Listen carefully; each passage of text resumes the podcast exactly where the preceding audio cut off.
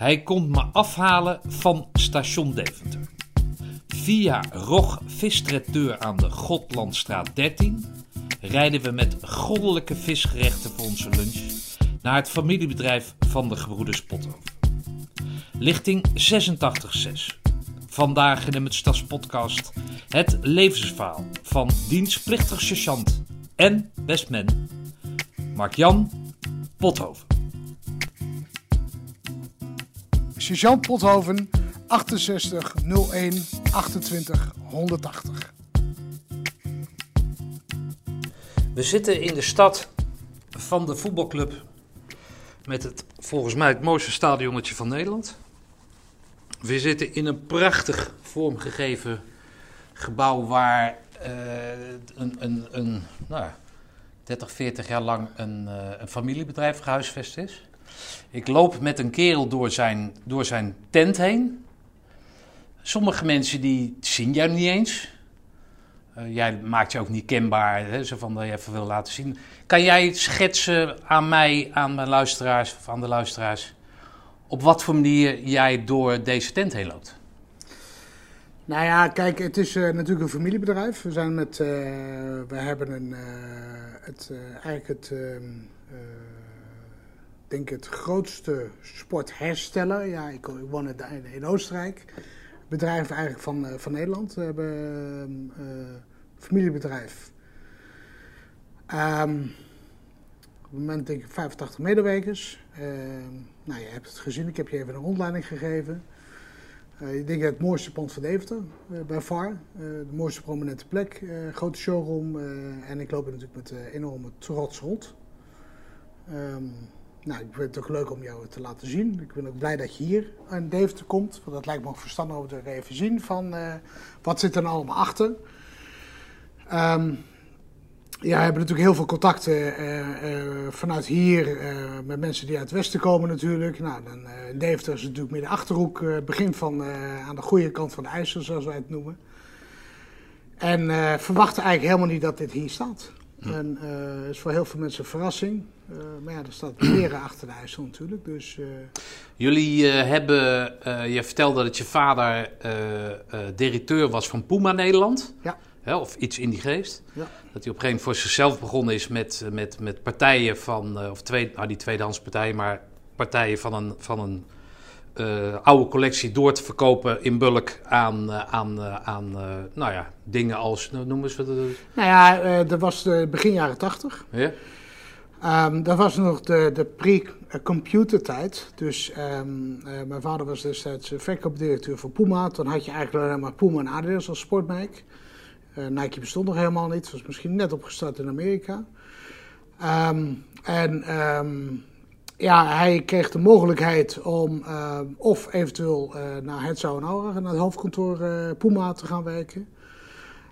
Maar hij heeft uiteindelijk gekozen om voor zichzelf te beginnen. Dat was begin jaren 80, diepe crisis.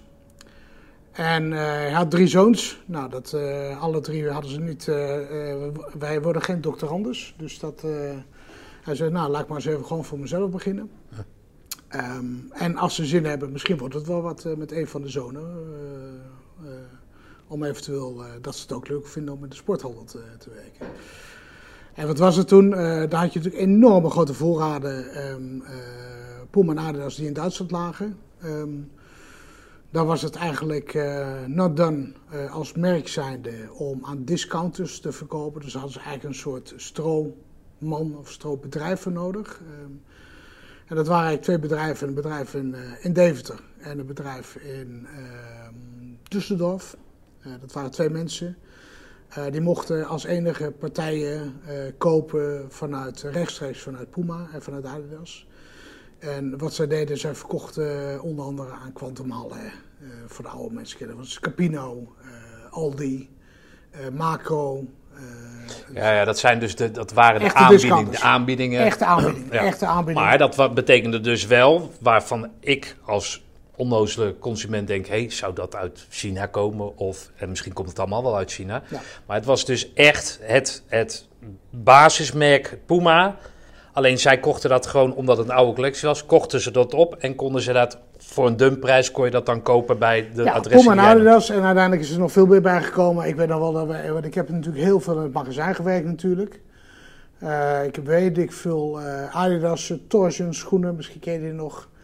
Ehm, eh, All Stars, eh, daar praat je echt over honderdduizenden paren zeg maar. Daar was ik, ik denk was ook 15, 16, 17 jaar zijn geweest. Het mooiste voorbeeld wat ik vond, eh, want het was, mijn vader is natuurlijk wel een beetje een oude boef natuurlijk. Hè? Dat is natuurlijk Ik weet niet hoe zo natuurlijk, ja, omdat... nee, nou ja, Oh, dat, ben- ben- dat was, hij hoorde er een beetje bij natuurlijk. We zijn natuurlijk echt, dat is overigens, de oude Vos heeft nog steeds de haren niet echt verloren. Hij is wel absoluut betrouwbaar, moet ik eerlijk zeggen, maar wat ik een mooie actie vond. Hij kocht een enorme partij eh, van, eh, van Dunlop, tennisrackets. Eh, en toen moest je allemaal hele grote grips, grips hebben, dus zeg maar... Ja. Maar dat was zeg maar... Waarbij het, het, het, het, handvat... het, handvat Ja, zeg maar, heel groot was. Dat moest iedereen moest zo groot mogelijk. Dat was helemaal de mode, zeg maar. Maar ja, die, dat was zeg maar een L5 en een L3 en een 4. Eh, dat waren de dunnere grips. Maar ja, die krijgt hij natuurlijk in die partijhandel. De L5 was zo lang verkocht. Dus het mooie wat ik wel... Dus ik heb eh, denk ik echt wekenlang ehm, L3 en L4... eh, en wat deed hij nou, die ouwe? Die kocht, eh, en zei, maar doe maar gelijk even 100.000 van die stickertjes een L5 erbij. Dus, dus ik heb al die L3 en L4 lopen te labelen als L5, zeg maar. Dus Ja, dat is in één keer Maar als ik bijvoorbeeld van- voorraad. eh. Vanochtend in de Dirk kom en daar liggen Adidas schoenen. Dat is eigenlijk dezelfde handel als wat hij deed. Sorry, eerst een rekening. Rekening? Ik kom vanochtend bij de Dirk. Ja, bij de Dirk. Ja, Daar liggen Adidas schoenen. Dat is dezelfde handel als zoals jouw vader dat deed. Ja, dat was wel, maar dat doen ze nou rechtstreeks. Eh, dat was destijds was het. eh, nou, Oh, nou- oké. Rechtstreeks dat- nou- Adidas, nou worden- Dirk. Adidas heeft eh, verkoopleiders, eh, verkoop. Eh, en die eh, zien dat gewoon als verkoopkanaal. Dus, Ja, eh, ja, dus die handel is helemaal verloren. Dat was toen weer be- eh, begin jaren 80. Uiteindelijk kwam natuurlijk de computer. Dan konden ze natuurlijk die overvoorraden veel beter inzien. En daar werden daardoor natuurlijk ook die overvoorraden natuurlijk steeds minder. En dat verwaterde natuurlijk ook een beetje. Dus die handel werd minder. Ehm, en natuurlijk gewoon in de 90 gingen ze dat rechtstreeks verkopen. En, ehm, nou ja, maar dat was uiteindelijk natuurlijk een hele mooie start voor hem om eh, te, te beginnen. Oké. Jij vertelt dat ehm, toen jullie in de zaak kwamen, eh, dat jullie een aantal merken eh, gekocht hebben. Ja, Hummel. Dat is Ah, een... Hummel hebben we, we, we hebben we, eh, uiteindelijk, ehm, die partijenhandel hield natuurlijk een keer op. Waarom? Omdat de grote merken gewoon rechtstreeks naar de discounters gingen leveren. Ehm, en we hebben ze, ja, als je wil doorbestaan, dan moet je gewoon je eigen merken hebben. Eh want uiteindelijk eh, kun je natuurlijk prima daaraan verdienen, maar dat is natuurlijk, je moet natuurlijk op eh, lange termijn kijken. Toen hebben wij, ehm, is de firma Hummel, eh Deens merk. Begin jaren 80 heeft eh Feyenoord onder contract genomen, out of the blue zeg maar, dat vonden ze nodig. Dat was een contract van volgens mij iets van 900.000 gulden was er toen nog. En, en die zocht daar een importeur bij. Dus er waren heel veel gegadigden. En de enige eis die ze stelden, zei, nou prima, maar je moet dat contract overnemen. Dus eh, mijn vader had natuurlijk een goed ge- gevulde beurs, dus die dacht van, nou weet je wat, ik neem gewoon het merk over. Dan heb ik in ieder geval een merk erbij. Maar Hummel was in Nederland niet te krijgen dan? Nee, eh, Hummel was, eh, was niet te krijgen, was ook eerst Deens, was ook een totale nieuwkomer. Daar had je ook veel minder merken natuurlijk op de markt, was het ook veel makkelijker natuurlijk. Ja. Nou, daar hebben we enorm mee geboost, enorm verkocht. Alleen het nadeel was dat ehm, eh, het, het waren net postduiven, zeg maar, de voetbalschoenen. Dus eh, we verkochten ze, maar ze kwamen gelijk weer terug, want de kwaliteit was zo ontzettend slecht. Oh, Oké. Het zag er prachtig uit, echt Deens, eh, Deense design, dat doen ze natuurlijk heel goed. Dus we hebben dat twee of drie jaar hebben we het aange- aangezien en toen uiteindelijk ehm, hebben we gezegd, nou we gaan wel, we willen wel verder, maar we willen gewoon een licentiecontract. Dus een licentiecontract houdt natuurlijk in dat wij ehm, jullie gewoon royalties betalen. En we gaan eigenlijk gewoon zelf beginnen met, eh, we gaan het zelf produceren, want dat kunnen wij zelf verbeteren. Ehm, we hebben destijds een, eh, ook een inkoper aangesteld. en dat was eh, begin jaren 80. Dat was eigenlijk een beetje rond mijn diensttijd, zeg maar. Nou, en uiteindelijk heb ik, nadat ik mijn diensttijd terug ben gekomen, eh, eigenlijk begonnen als, eh ik voorzichtig mee. Ja, ik wou vragen, wanneer, is we, wanneer begint we? Begint we. Nou ja, je vader doet dat, hè? Die heeft Ja, dan drie zoons. 83, 83, 83 zijn begonnen. Ja, maar we is dus pa zegt tegen jullie van jongens, eh, wat, wat denken jullie ervan? Willen jullie meedoen? Is, nee, is dat dan nee, we? Of wat? nee, nee, nee. Het was eigenlijk zo dat eh, eh, ik ging natuurlijk in 86 eh natuurlijk moest ik me melden. Ehm, ik had vervroegd aangevraagd, want ik was met haak over de sloot heb ik mijn, mijn opleiding op mijn school gehaald. Welke school is dat? Dat was een eh, middelbaar beroepsonderwijs eh, richting detail. MDS. Eh, MDS. De enige reden waarom ik en ik nog even moeite heb gedaan om examen te halen, omdat ik denk, ja, ik moet het wel halen, want ik wil gewoon die groene pret halen. Dus dat was eigenlijk de enige stimulans om Oh, überhaupt, zo- ja, oké. ja. überhaupt nog een, een, een, mijn diploma te halen. Toen, en nou, dat was wel een duidelijke stimulans, zeg maar, voor mij. Ik denk, nou, moet ik toch een keer huiswerk, een keer huiswerk gaan maken. Maar even, wanneer zijn jullie, hè, want dat, dat is voor de luisteraar, voor mij is het ook onduidelijk, maar Ja. even de- deze vraag en dan gaan we even op, eh, Ja. door op de volgende. Wanneer zijn jullie, jij, jullie, in de zaak gekomen van je vader? Nou, ik ben na, eh laat het zo zeggen, ik ben na mijn diensttijd ben ik eigenlijk gelijk, want ik zat nog wel, eh, ben ik eigenlijk gelijk bij mijn vader begonnen. Ja. Eh, gewoon meelopen. Eh, ik heb toen wel overwogen om eventueel ook toch nog bij te tekenen bij, eh, bij het korps. Eh, op een gegeven moment dacht ik, ja, ik heb mijn groene beret, ik heb alle zin, ik krijg een nieuw peloton, daar heb ik niet zo zin in. Een aantal jongens van mijn peloton had het uiteindelijk wel gedaan. En mijn vader heeft altijd gezegd, ik blijf tot mijn vijftigste werken en daarna houd het op. Nou, toen- ik, Tot zijn? Tot zijn vijftigste. Toen was hij denk ik 47, 6 Ja. 47. denk ik, heb nog drie jaar, dan kan ik gewoon met die oude mee. En hij zat natuurlijk met al die gesprekken bij, bij Aldi en bij de, bij de, bij, bij de Quantumhallen. Ik denk, ja, dat is natuurlijk gewoon wel heel erg interessant Ja. om daar gewoon bij te zitten. Oké. En, eh, en hij vond het prima. Hij zei, joh, prima jochie, eh, doe je best maar en eh, ga maar mee. En, dus ik heb eigenlijk dat bewust gekozen om gewoon met hem als, eh, als leermeester, zeg maar, gewoon mee te gaan. Oké. Hey, even terug naar de basis, want anders snapt niemand er gereed van. Ik snap het al niet. ik weet dat jij een broer hebt, die Ja. ook commando is geweest. Ja, klopt. Ik weet nu eh, dat je een vader en moeder hebt. Ja, Eh, die moeder kwam helemaal überhaupt niet in het verhaal, maar ik denk, vertel, zeg het zelf maar even. absoluut schat. En je hebt een derde broer. Ja, Hoe, wat is het qua leeftijdsopbouw? Wie is de oudste? Oudste is, eh, ik ben zelf 53, Olaf is 55. Ja. Ehm, volgens mij ligt in 85-3 op eh, groene beret gehaald. En mijn jongste broer is nou 52. Eh, die ehm, heeft 12 jaar Eredivisie gevoetbald. Ehm, en, oh, is dat hij van Pothoven? Ja, Oh joh. ja. Heeft hij niet bij nek gezeten en zo? Nee, dat is een andere.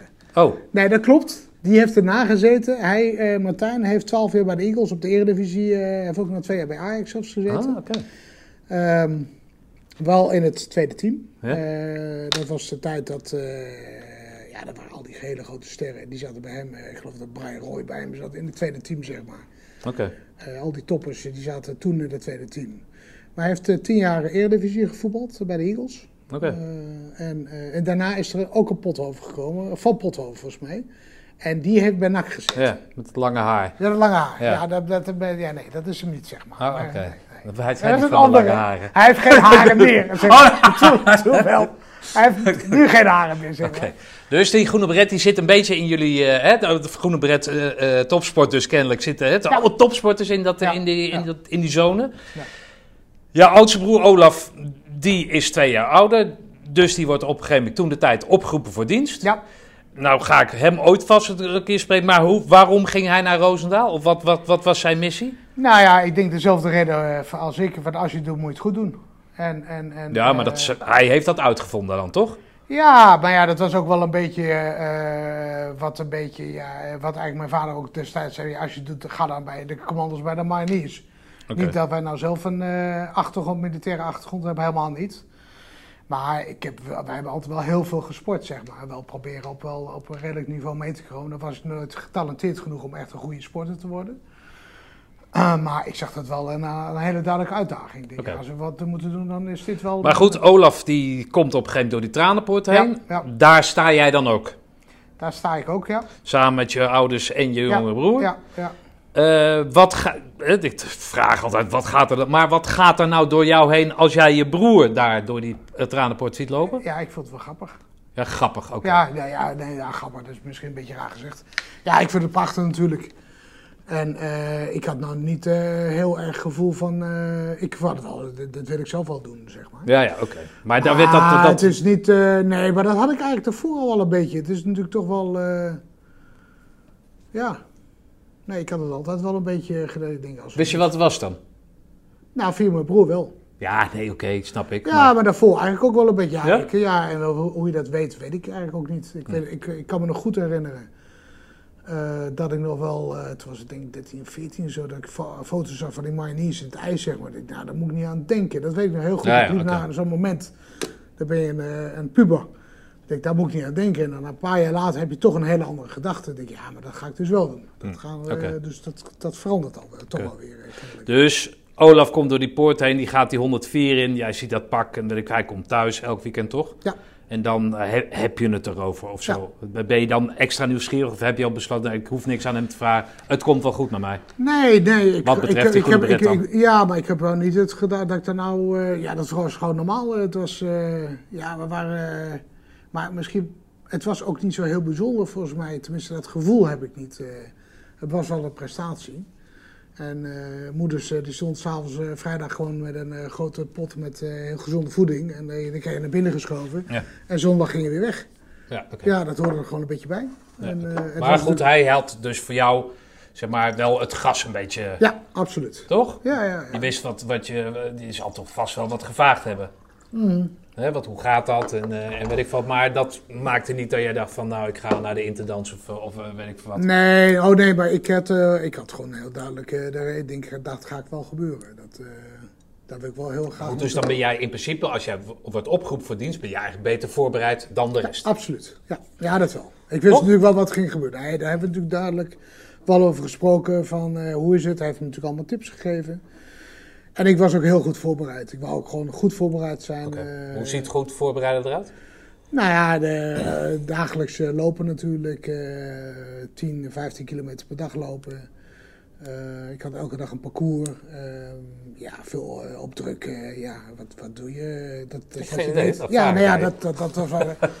nee, dus ik, en ik ben, ik ben natuurlijk niet groot, net zoals jij. Ja. Ik, ben, ik ben natuurlijk 1,70. Dus eh, ja, ik moet niet van mijn, van mijn loopcapaciteit hebben. Dus, Maar deed je iets aan rugby of zo? Of je ziet er een Nee, beetje voetbal, uit als voetbal. rugby- Ik heb heel veel gevoel. We hebben heel veel, wij zijn echt een voetbalfamilie natuurlijk. Ja. Eh, vroeger in het ehm, eh, jeugd, eh, jeugdteam, zeg maar hier, daar was een oude, oude kapitein, Beltman. Hij heeft ook nog in Korea volgens mij gevo- gevochten. Persoonlijke vriend van Bernhard, zoals hij er zo trots op was, zeg maar. Dat was jullie coach? Dat was, nee, dat was onze een beetje begeleider. En. Willem Beltman had destijds een, een, een, een, een regionaal talententeam opgestart hier bij de Koninklijke UD, de voetbalclub. Omdat hij gewoon wou dat de mensen gewoon veel beter, eh, veel beter gingen trainen. Dus wij trainen ook eh, vier keer in de week, eh, meestal één of twee wedstrijden in het weekend. eh. Ehm, ja, en daar werd gewoon goede trainers bij gehaald. Eh, ik weet dat mijn vader ook nog wat drukker is geweest. Hij heeft af en toe gastcoaches eh gehad. Joe Ling is er geweest, Simon Oh ja. Talmata, dat soort dingen. Ja. Het, eh, en die zijn dus allemaal langs geweest. Dat had, kende hij natuurlijk wel vanuit zijn Puma-tijd. Dus dat werd eigenlijk toen in de jaren tachtig werd daar wel echt wat aan gegeven. Er, werd ook, eh, er zijn ook eh, meerdere jongens eh, betaald voetbal uitgekomen. Maar dat was eigenlijk meer... Noem eens een. Wat zeg je? Noem eens een. Ja, die ken je, Jan Michels. Ja, dat zijn lokale helden. Eh, Robert Maaskant is een trainer. Die ken je misschien wel. Later het goede trainer worden. Eh, Martijn, mijn broer, zeg maar. Eh, Jan Albert de Weert. Die heeft een paar jaar eh, bij NAC gespeeld, volgens mij.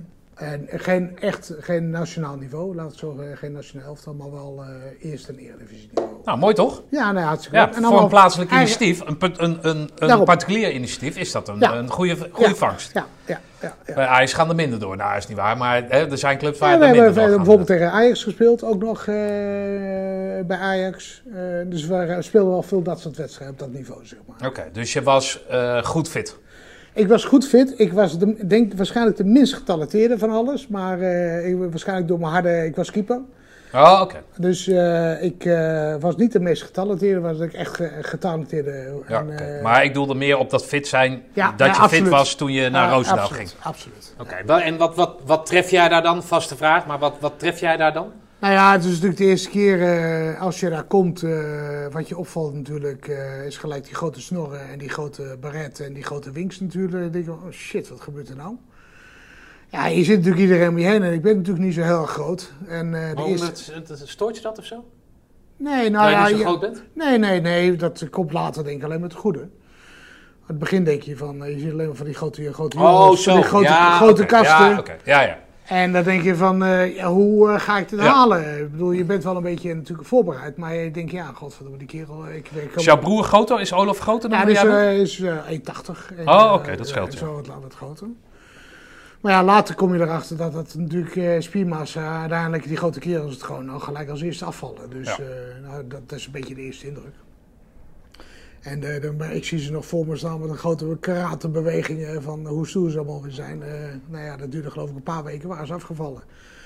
Ja, wat je achterblijft is gewoon de jongens, zoals ik gewoon, de, ik was natuurlijk al een, rustige jongen. Zo. Ik echt een beetje kat uit de boom kijken, dus even rustig kijken wat er aan gaat gebeuren.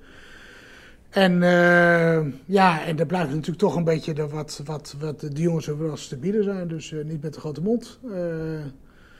En waar je het misschien ook niet zo van verwacht. Uh, de, niet de, de, allergrootste jongens. En uiteindelijk blijven toch ja, de, de typische commando's blijven over. De intelligente zoals wij. De, en de knappe natuurlijk. Dat, ja, dat de knappe ja, het is podcast. Ja, ik kan er niks aan doen. maar daarom heb ik ook wat foto's gemaakt. hey, luister eens, noem mij eens wat namen van, uh, van de instructeurs die daar in jouw tentkampen of vooropleidingen rondliepen. Ja, nou ja, dat, dat is natuurlijk... Uh, Welling het onze later ja. uh, uh, pelotonssergeant geworden in 104. Bravenboer, uh, Thijssen, Van Anker, Broeders, ja. de grote snor, prachtige kerel. Ja. wij hadden natuurlijk nog een marinier, commando. Daar ben ik even van Dulden, nee, hoe heet die? ik ben even de naam kwijt. Ja, ja en, en Siegel dan? Als en de Siegel, en, en Siegel, uiteraard. Ja, dat, daar had je het ja, uh, ja, net over, klopt, ja. Oké, dus dat waren jullie, uh, jullie instructeurs? Ja. En, en daarboven stond dan, of als Herweg, luitenant? Herweg. Herweg. Ja. Vertel eens over hoe jij ten opzichte van die kerel stond. Nou, ik moet ik zeggen, ik vind dat ik volgens mij uh, eigenlijk een prima band met die mensen. Ik had eigenlijk, uh, ik kon eigenlijk prima met ze opschieten. Ja, ik had natuurlijk ook wel een beetje door van, uh, het, ja, ik zeg niet een spelletje. Maar ik had wel een beetje door van uh, als je nou goed je best doet en, uh, en je voert gewoon uit wat ze vragen. En je let een beetje op en je probeert wel een beetje slim te zijn. Dat moet je natuurlijk wel zijn. Je moet natuurlijk wel even een beetje opletten natuurlijk. Uh, ja, dan kun je er redelijk doorheen komen. En ik was natuurlijk fysiek wel sterk en ik was echt bloedfanatiek. En ja, en ik kon eigenlijk alles heel makkelijk, relatief makkelijk. Had jij nog last van dat jij de broer van was? Of, of, of?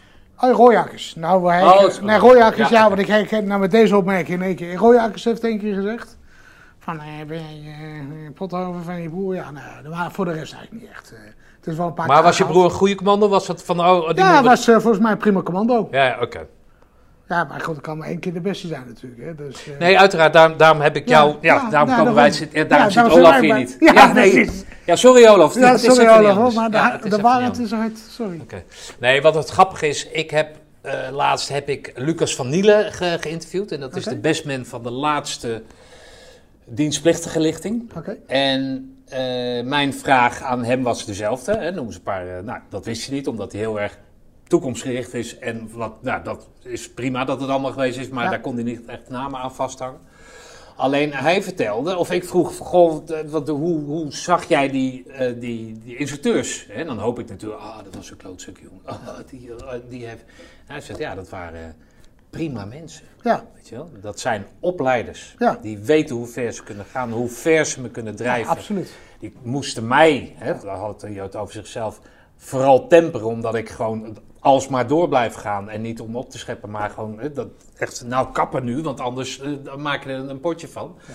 Dus hij zag dat als, als opleiders en, en niet als kwelgeesten. Ja. Heb jij dat proef ik ook een beetje bij jou? Ja, nee, absoluut. En je, je ziet gewoon dat het niveau, misschien was ik ook omdat mijn broer natuurlijk daarvoor, dus ik was wel wat beter geïnformeerd natuurlijk. En je zag gewoon uh, dat ze heel duidelijk uh, ja, uh, je hebt het niet echt door uh, wat ze doen op dat moment. En later ga je wel beseffen, als dat masker afgaat natuurlijk, denk ik, ja, god, we zijn gewoon hele goede kerels. Want Ja. je hebt in principe niet door dat ze een, een beetje een spelletje spelen. Je hebt wel het gevoel erin. Maar daaraan herken je ook natuurlijk eh, heel duidelijk eh, wat, eh, hoe professioneel ze het tekeer eh, Ja. of, eh, eh, het doen. En eh, juist de humor vond ik natuurlijk fantastisch. En, en, en kijk, en het is ook, eh, ik bedoel, het was uiteindelijk is het natuurlijk, het is diensttijd. eh, ik bedoel, er was geen, eh, er was geen grote dreiging op dat moment. Dus je werkt wel, ja, prima, maar het, het keer op. Die tijd, die, eh, die SEO houdt een keer op. De, dat is het enige wat ze niet kunnen stoppen, is de tijd. De rest wel. Ja. Ja, en wat moet ik ervoor doen? Ja, als je dat ding wil halen, dan moet je dit ervoor doen. Dus ik stond er heel simpel in. Oké. En ja, dan moet nog een keer, ja, dan moet ik nog een keer. Maar ja, ik wil die groene pol halen. Dus zo simpel is het, dan moet ik dat gewoon doen. Had je maten om je heen? Ja, uiteraard.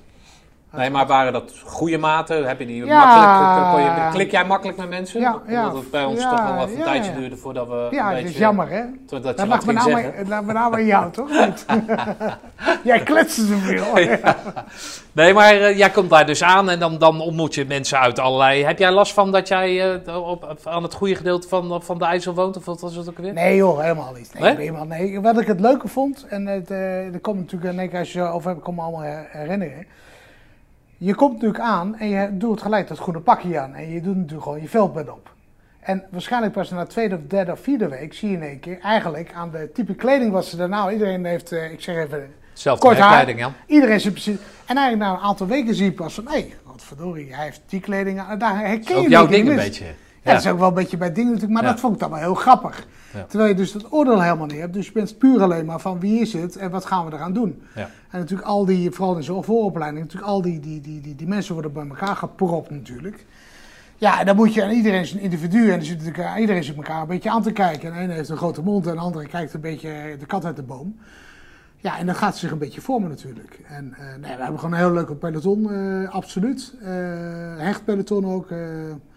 En voor afgelopen keer ook voor de reunie eh, zijn we een paar dagen naar Schotland geweest. Echt zo verschrikkelijk gelachen.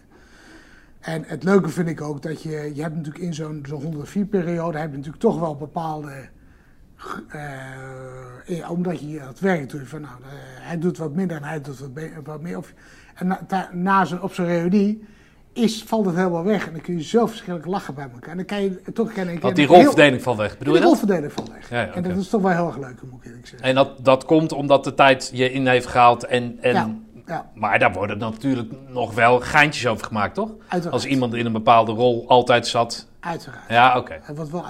Nee, oké. nou, dan, dan, dan, eh, dan nee, is het ja, goed. uiteraard. Maar goed, VO, hè, het, het, het was de periode, ik weet dat van mezelf, ik ben al vier jaar eerder of zo. Dat was de periode van eh, dat, dat Lacoste heel erg in was. Ja. Ik liep in, eh, in Mac Maggie kleding. Ja. Weet je wel, een beetje, een beetje dat.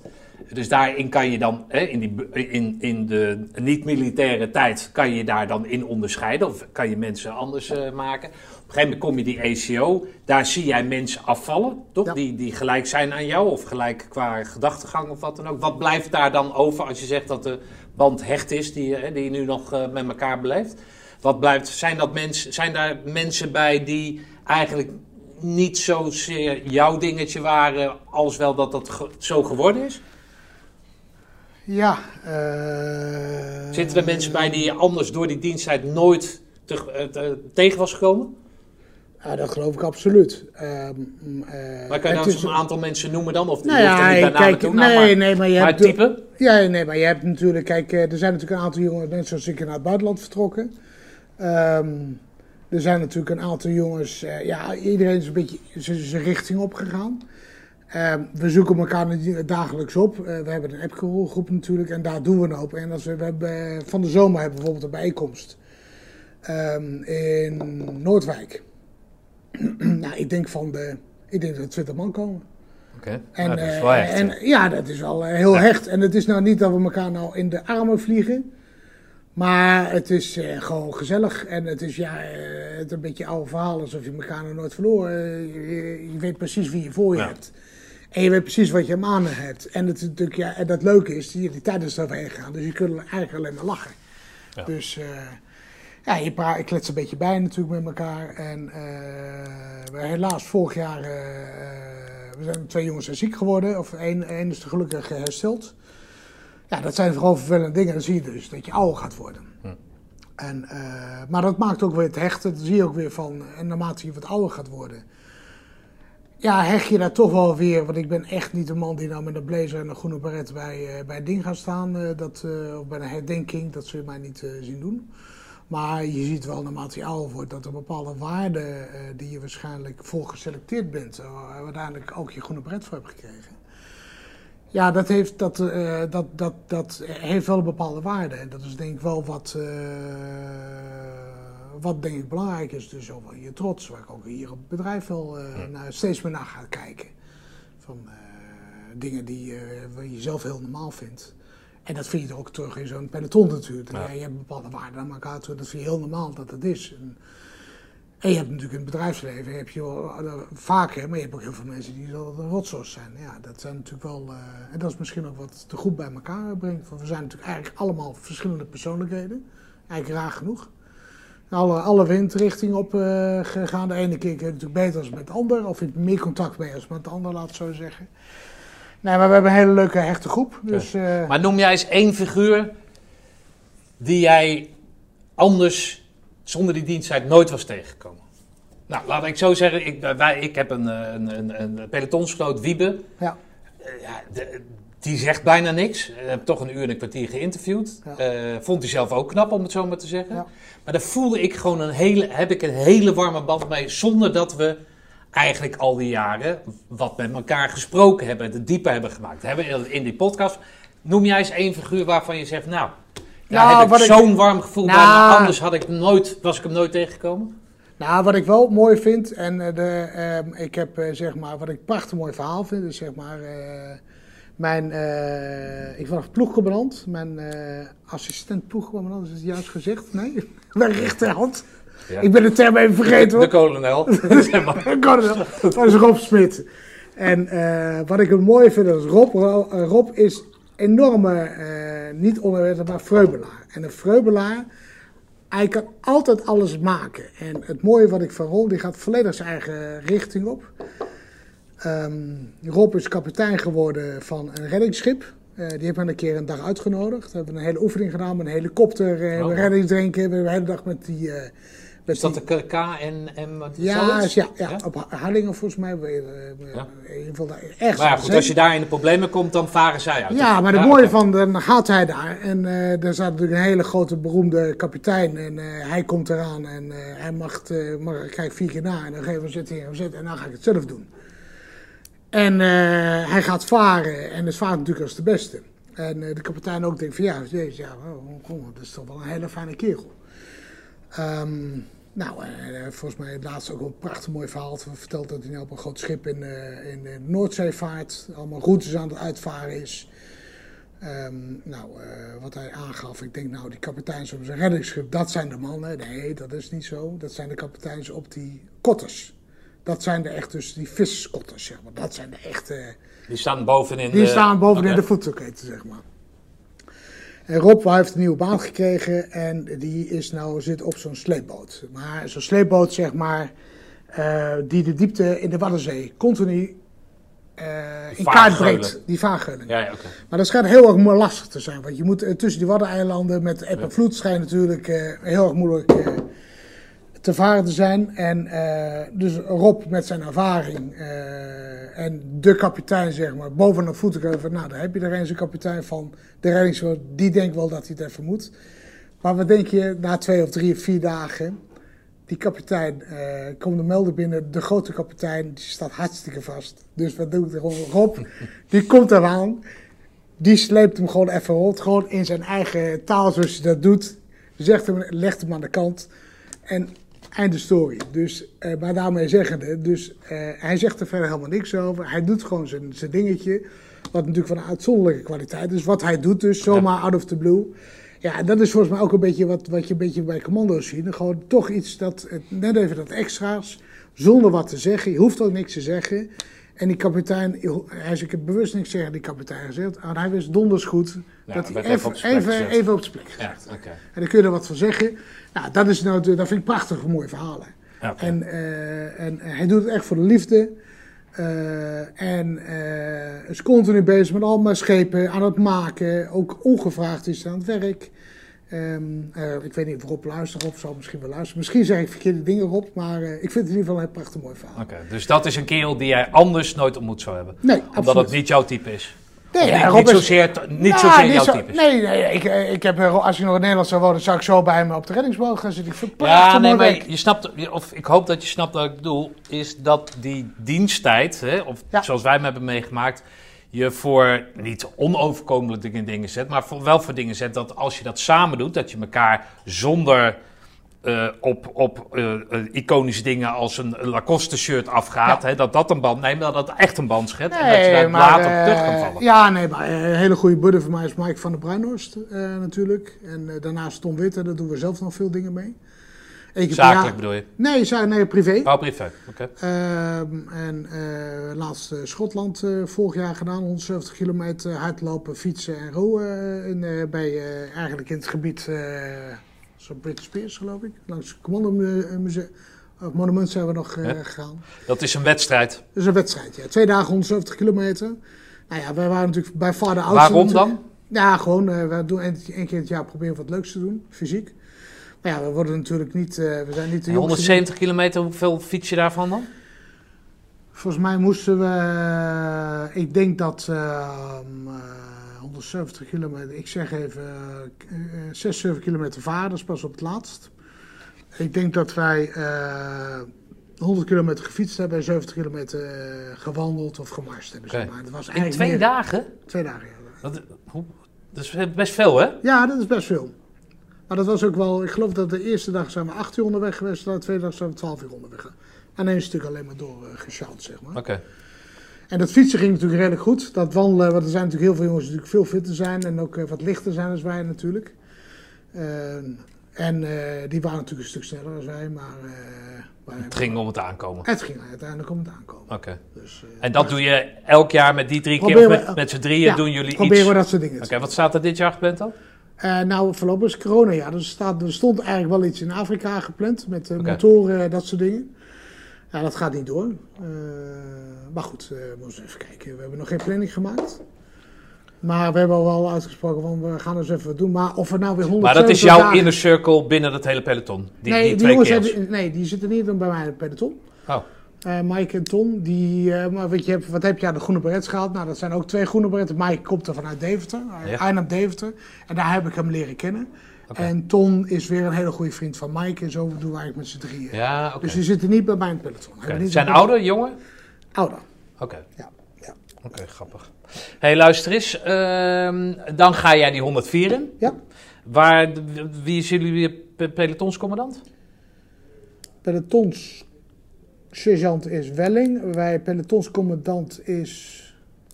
Is het alles omgeest? Nee, dat is 104, hè? Ja? Ja, dat is alles omgeest. Nee, Nee, dat was nee, jullie commandant. Nee, was uh, 104. compagniescommandant. Compagnies- Nee, de pelotonscommandant, die voor het peloton staat, zeg maar. Dat weten heel veel kerels niet, maar hoezo, hoezo weet je dat dan niet? Ja, dat is eh, grappig, dat weet ik eigenlijk niet eens. Eh, Misschien heeft dat, eh, ik heb, hij haalt me ook niets van mijn geest. Ik weet bij de Tons Welling natuurlijk, die was continu Ja, oké. onderweg. Het wil niks zeggen over de leidinggevende kwaliteit van, eh, van de persoon in kwestie. Nou ja, laat maar gaan. Maar die, dat, die staat dus niet echt op je Nee. netvlies. want, Nee. oké. Maar Springen en zo doen jullie wel? Ja. Waar in Po? En Po, ja. Oké. En, en al die andere dingen? ja Hoe heet dat? eh, Eh, slimme streupers ja, slimme heb je gedaan? natuurlijk. We hebben nog een, wel een grote, echt grote internationale oefening gedraaid. Sutton Strike heette die. Zo'n NATO-ding. Ja, zijn NATO-ding. En eh, volgens mij, ik heb die podcast natuurlijk over Theo Alsenwees gehoord. En waarop hij gegeven ogenblik eh een scène haalt dat hij al voor allemaal de commandanten staat. En dat hij enorm trots is dat hij naar voren wordt geroepen. En dat hij geprezen wordt, zeg maar, op de Oh, prestaties. Voor zijn compie. En volgens mij was dat die oefening. Ah, oké. Daar hebben wij eh, een oefening, dat was een hele belangrijke oefening. Dat, hadden we ook heel duidelijk gehoord. Dat wij, eh, daar hebben we ook fantastisch gedraaid. Grote inter- internationale oefening, met helikopters, eh, Amerika, ik geloof, eh, ik weet niet, maar groot materieel. Leek wel oorlog. Het leek wel oorlog. En daar hebben we echt serieus heel goed gedraaid. Eh, ik weet dan wel eh, dat eh, op een gegeven moment, dat staat er zelfs bij ons bovenop de, bij, niet bij mij, bij mij en eh, andere peloton, zaten ze zelfs boven de, de, op Put? de, de Op put, op de put. Dat er zelfs een, een snoep eh, papiertje naar binnen is gevallen. Dat werk, zeg maar. Dus maar helemaal niks verraden. En, eh, Oh, dat, is wel, dat is wel een heel sterk verhaal. ja, ja, ja, ja, ik weet nog wel, op een gegeven moment hadden wij een oefening. En, Op de put, ja. op, op, we, we hadden natuurlijk, daar stond een heel, is het, bataljon? Of, nou, in ieder geval, daar stond denk ik 20 of 30 of 40 van die, van die tanks en dat soort dingen. Ik, ik ken die namen allemaal niet meer. Maar die stonden in een soort carré opgesteld. Ja. Maar we hadden natuurlijk altijd onze tekens af en dat soort dingen. Dus eh, gewoon een veldpad op, gewoon als Jan Soldaat waren wij gekleed. Wou ik ook, we gaan gewoon als Jan Soldaat gekleed. Heeft niemand door dat wij dat zijn. Maar we hadden natuurlijk. En ik was op verkenning en wij moesten natuurlijk verkennen wat voor materiaal er allemaal stond. Ik denk, nou kan ik twee dingen doen. Dan kan ik in de bosje gaan liggen. Maar ik kan er ook gewoon als Jan Soldaat rond gaan lopen. en gewoon beetje, hoi, yo, yo. Dus dat is nergens lang. Maar ik had natuurlijk die hele grote, die nachtkijker had ik bij me. Dus een hele grote toeter natuurlijk, maar die had ik onder mijn jas gedaan. Dus het ging net zo gewoon, ik denk, ik stel er stonden 30 of 40 aan. Dus wij zaten zelf, nou, dat en dat en nou, daar. Die hebben we dus nummer 4, nummer 5, nummer 6. Nou, toen we nummer 9 kwamen, in één keer begonnen ze te schreeuwen, hé, hey, we moeten nog maar daar. Dus nou, we, we doen net alsof we niks hebben door aan de hand. Dus op een gegeven moment zitten we op de sprinten natuurlijk, dus... eh ja, dat wel lachen. Dus op een gegeven moment zijn we ergens op een graf terechtgekomen. Helemaal ontkomen gelukkig. Lopen, dus dat was wel... eh, en dat was voor mij ook tijdens die oefening. Oké, dus, Dus, dat eh, was de grote NATO-oefening en daar hebben jullie je onderscheiden waardoor Ja, de Theo mij wel. Alsemgeest Volgens, ik denk, tenminste, ik denk dat dat... werd. Ik zal, eh, als ik hem tegenkom de reunie, zal ik eh, Theo vragen of dat zo was. Maar, eh, en dat was natuurlijk, en dat hoor je ook, en wat ik het leuke vind ook, eh, je hoort natuurlijk wat voor tijden zo'n 104 geregeld hebben. Het was natuurlijk geen oorlogstijd. Maar ja, je hebt natuurlijk wel een, een relatief, goed niveau neergezet. Eh, we hebben natuurlijk een andere oefeningen gedraaid met andere special forces eenheden, zeg maar. Eh, we hebben ook nog met SES eh, wat dingen samen gedaan. Uiteindelijk zag je die niet wel, met Portugezen en Spanjaarden en dat soort dingen. Dat was natuurlijk uh, s'avonds op het eind van de oefening de prachtige avonden gehad natuurlijk. En ehm, ja, dat was natuurlijk hartstikke leuk. Maar vond je dat leuk? Vond je dat... dat, dat, Ja, vond ik prachtig. Oké, jij zegt namelijk net, weet ik een half uur geleden, dat je ook op punt stond om bij te tekenen. Wanneer, Ja. wanneer begon dat te dagen of was dat eigenlijk vanaf het begin? Van, Nee, dit is nee, mijn nee in principe niet. In, eh, in principe, eh, nee, het was eigenlijk, eh, ik, ik was zo eigenlijk wel serieus fanatiek, of, fanatiek, maar ik was heel erg gedreven van de prachtig. Ik heb ook een dag vrijgenomen. Ik vond het eigenlijk bijna het mooiste wat me overkwam natuurlijk. En ehm, er is mij toen ook gevraagd van God, zou je misschien met een aantal meer jongens hoor, dus er is gevraagd, God, zouden jullie eventueel bij willen tekenen? En, ehm, Hadden ze dat aan je broer trouwens ook gevraagd? Niet? nee, nee, volgens mij niet dat ik weet. Oké, Niet dat ik weet. dat is niet zo gek dat ze dat niet gevraagd hebben. Nee, dat, dat, dat weet ik niet. Ja, we hebben nou één keer afgezekerd, maar één keer is toch genoeg. Ik ken de goede man niet eens. Het is jouw Ja, broer. Dus, ja, eh, hij is hartstikke aardig, man. maar goed, ze vragen hè, jullie hele peloton natuurlijk om. Natuurlijk. Om ja, Amsterdam, tuurlijk, tuurlijk. Nee, we hadden Nee, volgens mij goed, een stuk ja. of eh, vijf, zes jongens eh, gevraagd. En volgens mij hebben er twee of drie of vier bijgetekend. Uiteindelijk ben- Bijtekenen betekende hoeveel jaar is ja, dat volgens dan? mij een jaar of twee jaar, zoiets, Ah, die periode. En toen, ik heb er wel serieus over nagedacht. Maar wat ik je net vertelde, ik denk, ja, ik kan ook, eh, wat eh, zie ik mijn hele leven bij Defensie. Ik denk, nou, dat, dat zie ik zeker niet zitten. Nee, maar wat trok jou daar zo in? Dat, dat je die oefeningen geweldig vond, nou dat snap ik. Maar Ja. dat hele andere leven, dus dat je altijd in diezelfde merkkleding, maar ook in die kazerne. Bevul je dat? Had je een vriendin bijvoorbeeld? Of weet ik veel, hoe, hoe, hoe zag dat leven? Hoe zag je dat leven dan? Nee, nee, nee. Of ik, vond je het eh, leuk om die Nee, ik kerels vond het gewoon prachtig om te doen. Ik Ja, vond het, het werk vond ik gewoon hartstikke leuk. Nee, tuurlijk, maar om dan eventueel die gedachte toe te laten van, nou, misschien wil ik hier wel verder in. Ja. Of misschien één of twee jaar. Maar wat maakte dat, dat je dat, was dat die hechting? Was dat samen stappen? Was dat, dat, dat weet ik veel? Vertel Nou me. ja, dat is misschien ook juist wat mij tegenhield om niet te doen. Omdat Ah, oké. we eigenlijk dachten van ja, dan eh, moet ik een nieuw, dan wordt het echt werk, zeg maar. Ja. Ja, dan is, het dan echt, de- is dit dan het werk wat ik wil gaan doen? En ik natuurlijk aan de andere kant, eh, ja, mijn vader die zei van ja, daar kan ik ook een paar jaar aan meegedoen. Ja, dan doe ik dat dan, waar, waar ligt mijn toekomst? En uiteindelijk heb ik daar toch wel voor Nou. gekozen. Want jij was ploegcommandant. Dus was jij sergeant? Ja, ik ben afgezwaaid als sergeant. Oh, je, bent, je hebt eh, de, door de rangen heen gegaan, Ja. om het zo maar te zeggen. Oké. Ja. Ja. Want er was weinig kader dan of zo? Dat denk ik. Ja, we was weinig kader. We hadden één, eh, één eh, beroepssergeant. Bus, Albert Bus. Welling. Sergeant Welling natuurlijk. Ja, oké. Oh, de bus die Sorry, was... in de opleiding. Ja? Heeft Bus Albert zijn Bus. groene bret gehad? Heeft hij zijn groene bret. Ja, ja, dat is het enige... enige eh, en wij hadden natuurlijk een aantal kaderleden. En eh, volgens mij zijn er, waren er twee... eh, ik weet niet. Jeroen Hering is ook ploeggedant geweest. En misschien nog een ander, maar dat ben ik even vergeten. Oké, die hoort niet bij die 20. Die hoort niet bij de 20, of bedoel je welke 20? Ja, de 20 die je nu, zeg maar, aankomende reunie z- gaat zien. Oh, zo bedoel je. Jawel, jawel, jawel. Oh, wel. Ja. Ah, oké. Ja, je kent niet alle namen. Maar goed, jij wordt ploegcommandant. Ja. En er zijn dus meer ploegen waar dus niet een sergeant op zit, maar mensen zitten die, zeg maar, Ja. als commando zijn begonnen. En Ja. dan zijn die allemaal doorgegroeid naar sergeant? Eh, Een paar volgens mij. Maar maar nee, sorry. Die jongens die hebben bijgetekend, die zijn sergeant geworden. Uiteraard. Ja, die hebben het bij, ze hebben mij denk ik ook al sergeant gemaakt. Zo van, eh laat maar proberen. Dus ik, heb, ik weet nog wel, ik heb ook nog eh exercitieles moeten geven. Op een gegeven moment werd ik eruit gehaald. En toen moest ik exercitieles geven. Aan wie? En gewoon een peloton. Eh, dat- Aan je eigen peloton? Nee, vooropleiding. Oh, gewoon vooropleiding. Ja, zoiets. oké. Dus ik denk dat ze toen al een beetje van, eh, kan Ja, die ja, kan die niet aan. En eh, wij werden toen op een gegeven moment werden we bij, volgens mij was dat, ik weet niet meer, wat ik was, een blonde kerel met zo'n grote snor. Niet tak, maar, nou ja, andere. Wering? Kap- kapitein. Oh. Kapitein, weet ik niet meer. En die was volgens mij personeelszaak, ik weet ook niet eens precies, maar eh daar werden we eigenlijk voorgelegd, s'avonds een keer, god, jullie vinden het leuk om te doen. Nou, daar hebben we toen nog even nog een beetje over nagedacht, wel of niet. Ja, eh, nou, na een paar weken hebben ze een aantal jongens hebben gezegd, nou, doe het wel. En ik heb gezegd, nou, het toch niet. Eh, ik, Oké.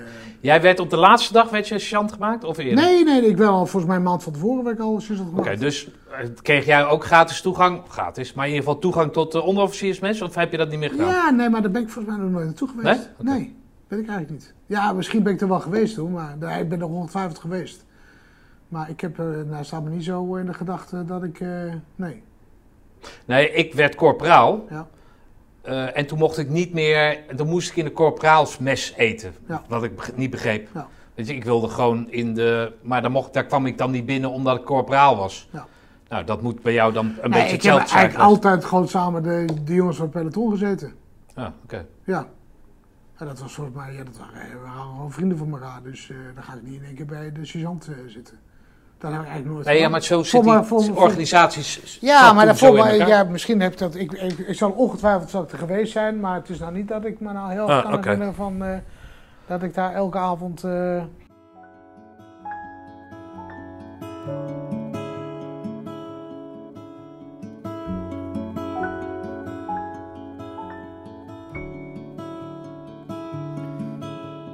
Bist immer noch irgendwie hier. Immer noch hier bei mir. Nach all den Jahren verfolgst du mich im Traum. Ich will immer noch nicht, dass du gehst. Ich kann's immer noch nicht ganz verstehen. Wieso, weshalb, warum soll ich dir glauben? Ich will nie wieder meinen Kopf verlieren. Ich will nie wieder mein Herz riskieren. Ich will nie wieder solche Schmerzen spüren. Wegen dir. Ich will nie wieder alleine bleiben. Ich will nie wieder so einsam sein. Wieder so furchtbar leiden. Goed, dus jij zegt, oké, eh, sorry eh major, ik ga toch eh, de burgermaatschappij in. Ja. Jij, je, je, je, je, je richting is duidelijk. Je gaat bij Pa in, pa in de zaak en Pa is Ja. 47 op dat moment. Heeft gezegd, nou oké, of dat vul ik dan zo in. Ik heb genoeg gecashed, nog drie jaar wil ik je opleiden, kijk maar mee. En dan, eh, en je broer zat al in de zaak? nee. Wat, deed- wat deed je broer? Want twee jaar ouder. Mijn, eh, mijn jongste broer was natuurlijk eh profvoetbal. Ja, nee, maar die oudste? oudste broer was eh, verkocht volgens mij eh kopieermachines bij in Amsterdam. Ja. Was gewoon vertegenwoordiger. En mijn vader zei eigenlijk van nou ga je eerst maar eens even buiten werken. Ja, oké. Dus En, die werd ook een soort die werd klaargestoomd. om- klaargestoomd buitenaf. Ja, ja. En ga maar eens even, als je nou wilt leren verkopen, dan moet je kopieermachines verkopen. Dat is vreselijk moeilijk. En, eh, daar vond Olaf dat leuk? Voor- Ja, voor- dat vond ik wel? Ja, vond hij. Maar die had ook zeg maar, de wens om de zaak in te gaan? Ja, volgens mij wel. Oké. En die zag die samenwerking tussen met jou. Ja, natuurlijk werd dat, dat wist je dan nog niet. Dat je, maar die zag dat wel zitten? Dat is wel te hopen. We zitten nog steeds zo. Ja, nee, snap ik. Maar misschien dat hij balend rondloopt. Nee, maar zag hij dat zitten met zijn jongere broer? Of herkende je iets van allebei, die groene beret? Wat, Een beetje dat? Nee, eigenlijk hebben we daar eigenlijk nooit zo daar... eh, ja, misschien juist op leven, Wat, latere wat voor, leeftijd. een- eh, sorry dat ik je wil onderbreken. Wat voor een rang had hij? volgens mij was hij gewoon commando 1. Oké. Ja, die moeten er ook zijn. Ja. Ja, ja, moet er ook zijn. En misschien komt hij volgens mij, ik weet Nee, maar, Nee, weet je maar, wat nee, maar wat, ik, Nee. juist, ja, wat ik zo grappig vind is. Dat vind ik altijd mooi van die familiezaken. Weet je wel, wa- wanneer besluit je nou om door te gaan? Ik vraag net, hè, dat het, het imposante, die imposante eh, loodsen die jullie hebben. Dan vraag ik dus van, goh, eh, je kan het ook, hè, jullie kunnen het ook verkopen, hè, de zaak nu. Hè. We zijn het le- heerlijke, eh, heerlijke dingen geweest eten, haring geweest eten bij Ja. Rog, hè, heet Ja, die? ja, Rog. Heeft zijn zaak verkocht, is net Ja. 60, heeft altijd gewerkt, vertel jij. In die situatie zouden jullie ook kunnen zitten. Eh, je hebt mooie merken, je hebt mooie clubs die daarbij zijn aangesloten, dus dat zou allemaal kunnen. Maar als je zeg maar 40 jaar teruggaat, Ja. hè, dan weet je dat natuurlijk niet. Maar dan moet je natuurlijk wel weten wat je aan je broer hebt. Je weet wat je aan je vader hebt, want die is over drie jaar klaar. En dan moet je met z'n tweeën. Klikt dat dan al? Nee, Of- maar mijn of- vader, eh, het, het zei hij wel, die eh, heeft hij niet gedaan. Dat was eigenlijk, eh, Ah. ga mijn vijftigste, maar eh, de- hij bleef gewoon doorstekkeren. Sterker nog, hij loopt nog regelmatig hier op de zaak, hij is inmiddels 80. Eh, ja, dus die is niet weg te, te knuppelen, zeg maar. Nee, maar die heeft natuurlijk een fantastisch mooi bedrijf. We hebben meegekeken. Ehm, wij hebben inmiddels, denk ik, een jaar of 25 geleden, ik weet niet eens precies meer, dat, de zaak overgenomen met z'n drieën, zeg maar. En, ehm, Met je jongste broer erbij. ja, bij de jongste broer Oh, erbij. joh. Ja, ja, Oké. ja, ja, ja. En, ehm, en eigenlijk zo, eigenlijk vanuit eh, een natuurlijke situatie dat overgenomen. Eh, ja, en zo is het gelopen. Maar ja, er gebeurt natuurlijk veel. Het is inderdaad 30, 35 jaar geleden. En ja, er gebeurt natuurlijk veel en dat is voor ons heel normaal. En dat loopt natuurlijk een bepaalde richting op en dat groeit en dat doet. En, eh, Ja, nee, maar ik, bijvoorbeeld, eh, ja, die eeuwige Ray en Onno, maar die, eh, dat zijn vrienden, maar die komen niet echt bij elkaar over de vloer. Als je familie bent, dat vind ik juist het mooie van dat familiebedrijf, of dat uitdagende, hè, dat je altijd familie zal blijven. Dus Ja. of je nou bonje hebt of niet, Ja. er zullen altijd dwarsbanden, relaties, Absoluut. een neef, een nicht, eh, weet ik, vader, moeder, die daar dan ook nog familiair boven elkaar zitten. Dat maakt het zo dynamisch. Ja. En hoe zag je dat dan? Je had misschien nog geen kinderen, maar wel dat, dat je dan met z'n drieën dat, of met z'n vieren met pa erbij, dat, had je niet zoiets van, godverdomme, dat gezeik, die familie, ik wil wat anders, ik ga gewoon in mijn eentje? Of zag je dat juist als kracht? Nee, nee, absoluut Dat niet. familie. Nee, ik vond het prachtig. En, en, en, of prachtig, nee, ik vond het gewoon hartstikke leuk. Kijk, het is sport. We hebben sportartikelen. Eh, het is veel reizen. Ik vind het fantastisch. Ik ben er steeds meer richting design en richting eh, inkoop gegaan, zeg maar. En ik heb al vrij snel al, eh, ik was volgens mij 22 en werd ik, eh, ik geloof een budget van 6 miljoen al, eh zeg mijn vader, je gaat maar lekker naar, Chi- naar Indonesië toe en je koopt de, de boel maar in. Nou, dan ben je 22. En dan heb je een budget van 6 miljoen, dat je even moet inkopen. Nou oké, nou ga er maar voor staan. En dat was hij dus. Dus nou, eh, zoek maar lekker uit. En doeg. Waarom koos hij jou daarvoor uit en Olaf niet bijvoorbeeld? Ja, geen flauw idee. Nee, Ja, wat, Olaf- wat, wat, Olaf is Olaf zijn, een- wat is Olaf zijn Ja, ding? nee, Olaf is echt puur verkoop. Oké. Eh, jongste broer is echt algemeen directeur, dus meer financieel gebeuren. Ik ben meer ehm, inkoop, collectie, marketing. Daar zit ik meer op. Dus we hebben alle drie ook echt verschillende ehm, capaciteiten en mogelijkheden en talenten.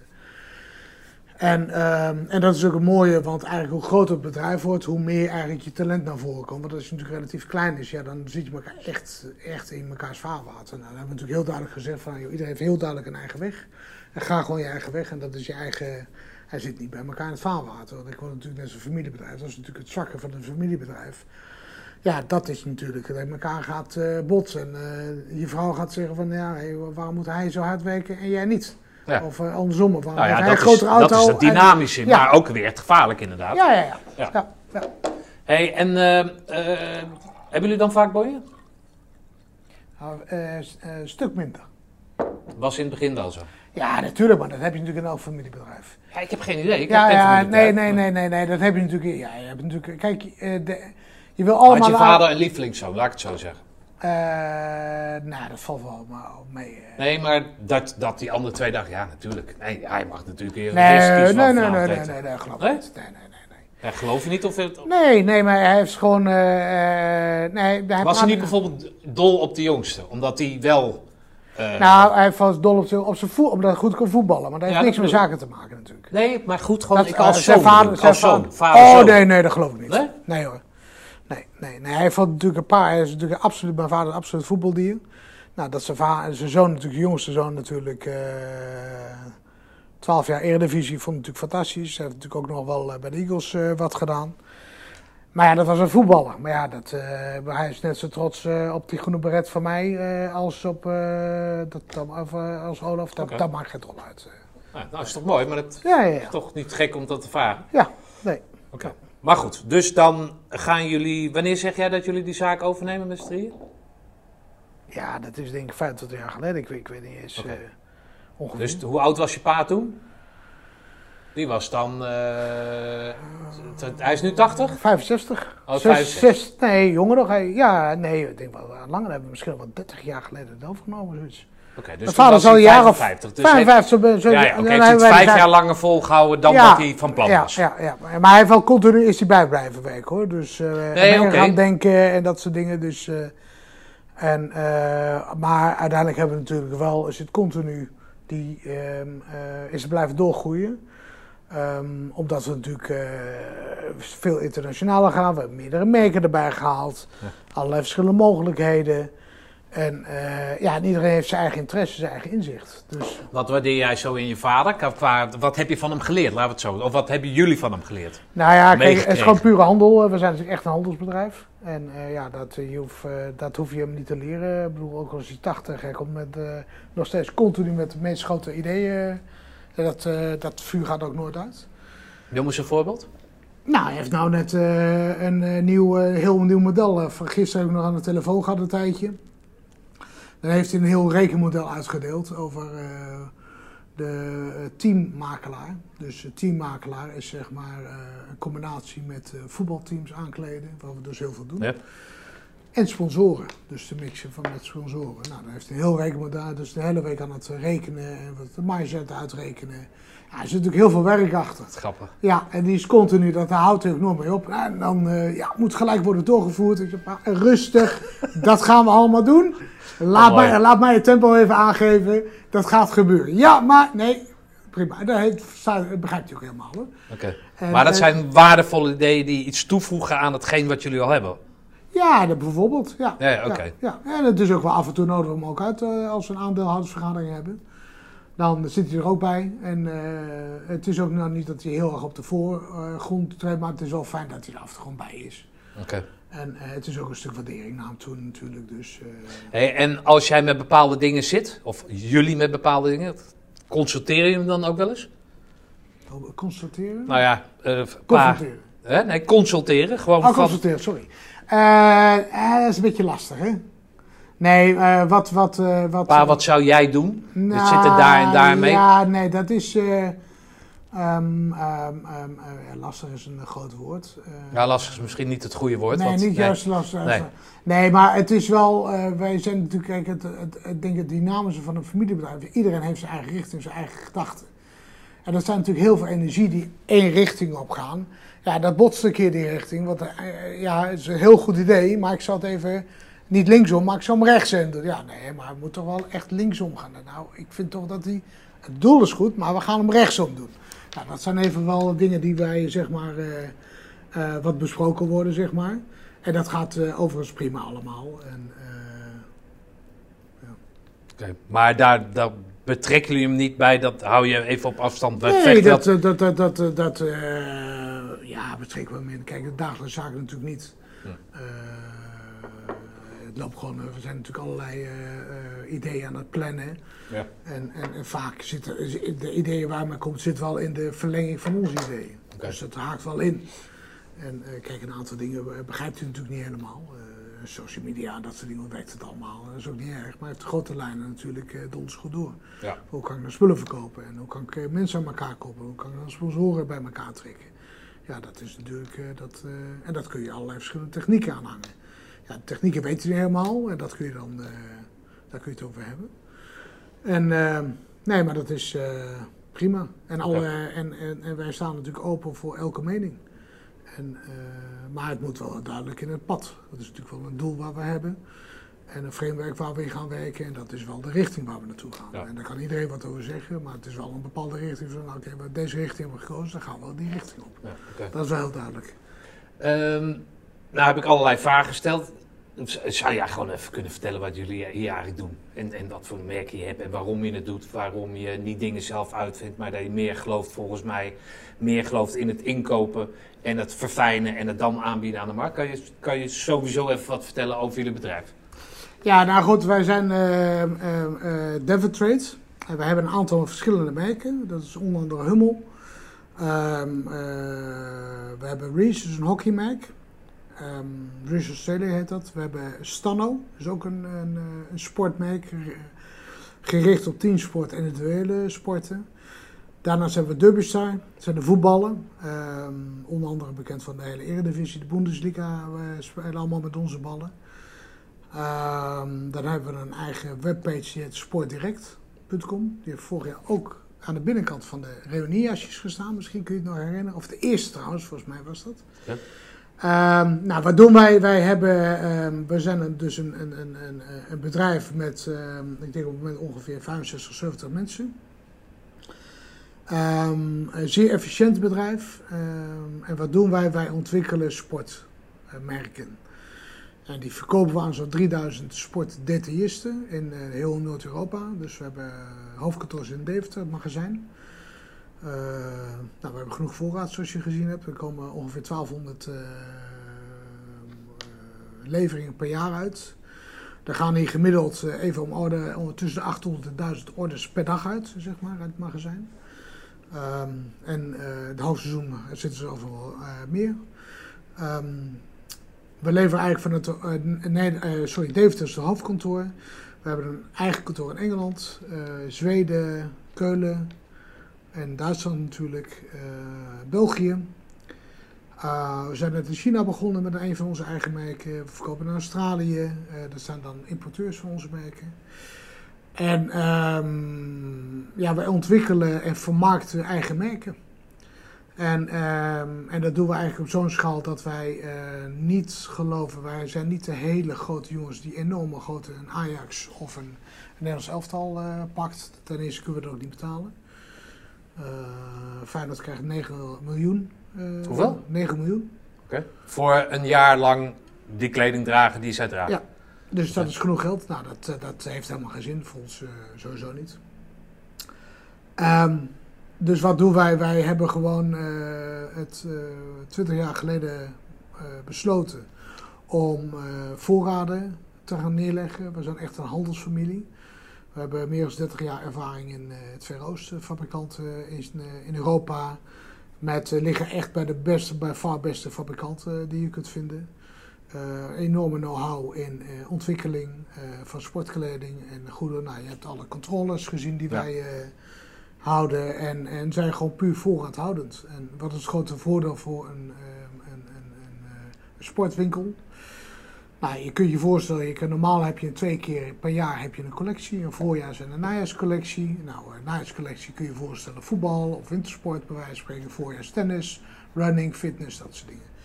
Nou, als jij bijvoorbeeld een uh, Nike of een Puma gaat kopen, dan krijg je twee of meerdere collecties per jaar, maar kun je niet meer nabestellen.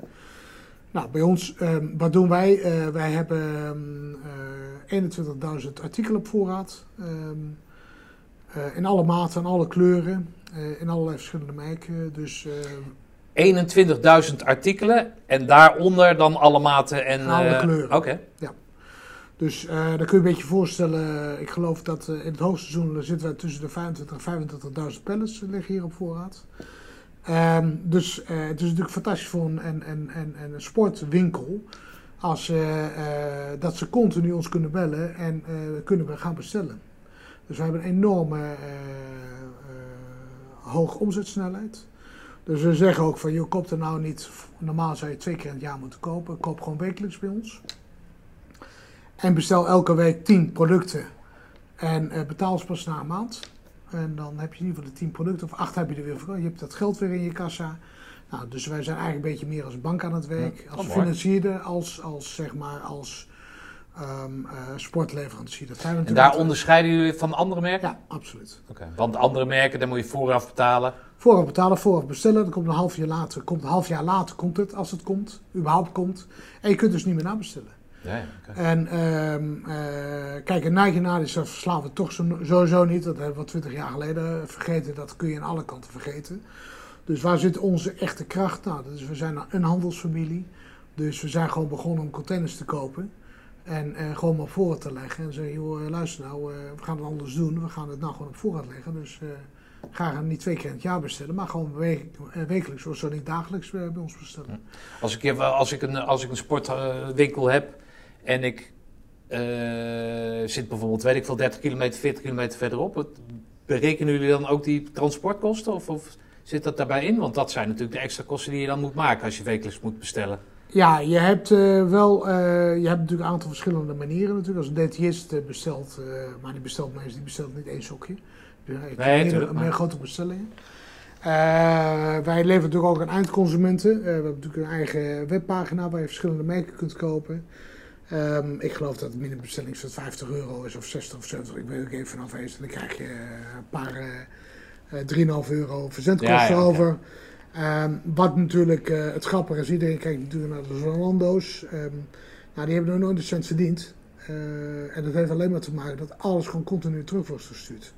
Dus al die goederen die ze terug worden genomen, ja, dat kan of we gaan er verder in, of eh, dat wordt nauwelijks teruggebracht. Nou, daar zit natuurlijk helemaal geen winstverdeling, dus bij ons is het echt prima. Je kunt bestellen eh, en als je terug wil nemen, dan moet je ook weer betalen. En dat is Ja. gewoon puur, puur te maken dat mensen even drie keer nadenken voordat ze gaan bestellen. En dat we zeker weten dat die eh, retouren gewoon minimaal zijn.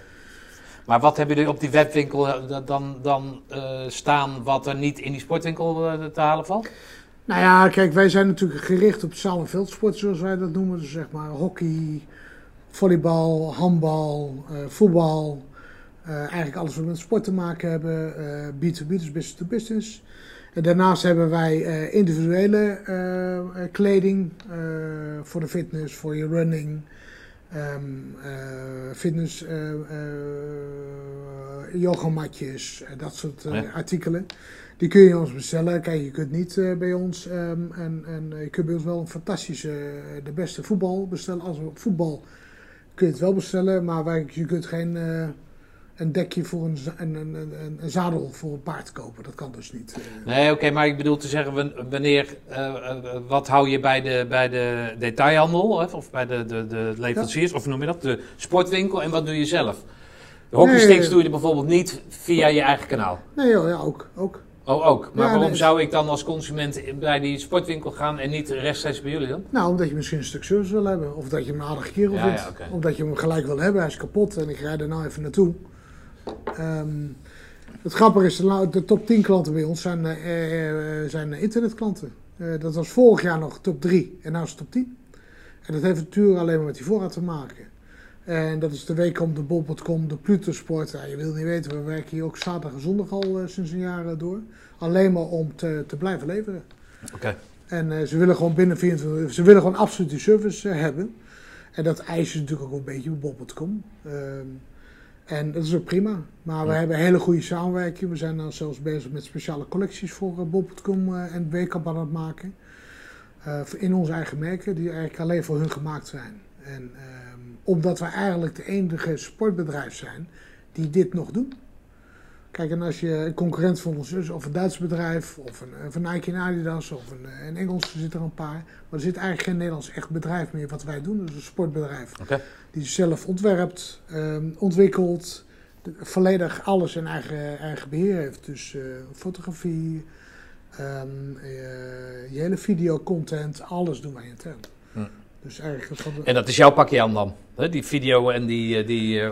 Ja, ja, ja, ja. Ja, ja, nou ja, dat is natuurlijk een hele marketingafdeling. Die staat natuurlijk. eh, Nee, maar het marketing valt toch onder jou? Nou ja, onder mij. Ik, ik kijk mee. Ik heb. Eh, eh, ik eh, wil heel graag dat de mensen verantwoordelijkheid hier hebben. Ze moeten zo- het bedrijf moet zonder mij eh, kunnen draaien. En dat wordt ook van ze verwacht. Ehm, eh, ze moeten zo volledig zelfstandig eh, kunnen werken.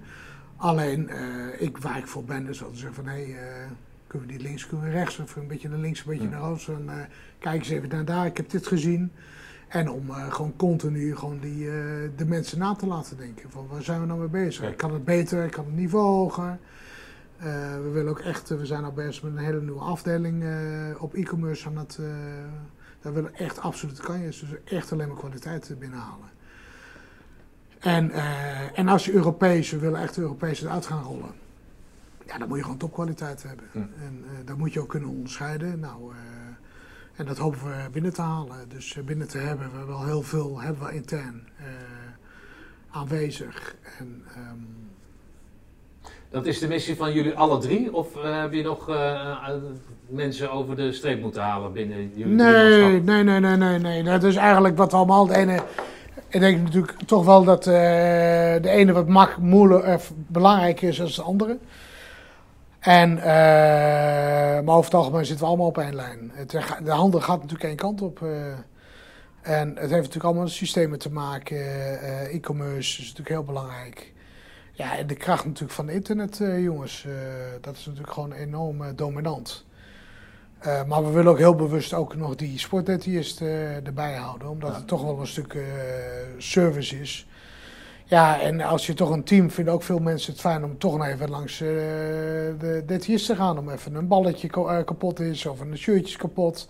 Je moet even een service leveren voor bedrukking, dat soort dingen. Dus dat ja. is eigenlijk al wel fijn. Nou, je houdt elkaar in leven dan toch? En je houdt elkaar in leven. Ja. ja, ja. Ja.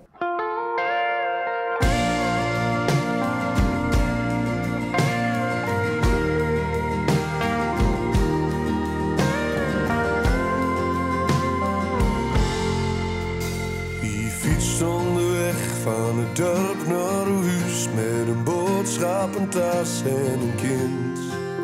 Over het land is een boer langs met een trekker, hij goed, want hij weet waar je erin van bent.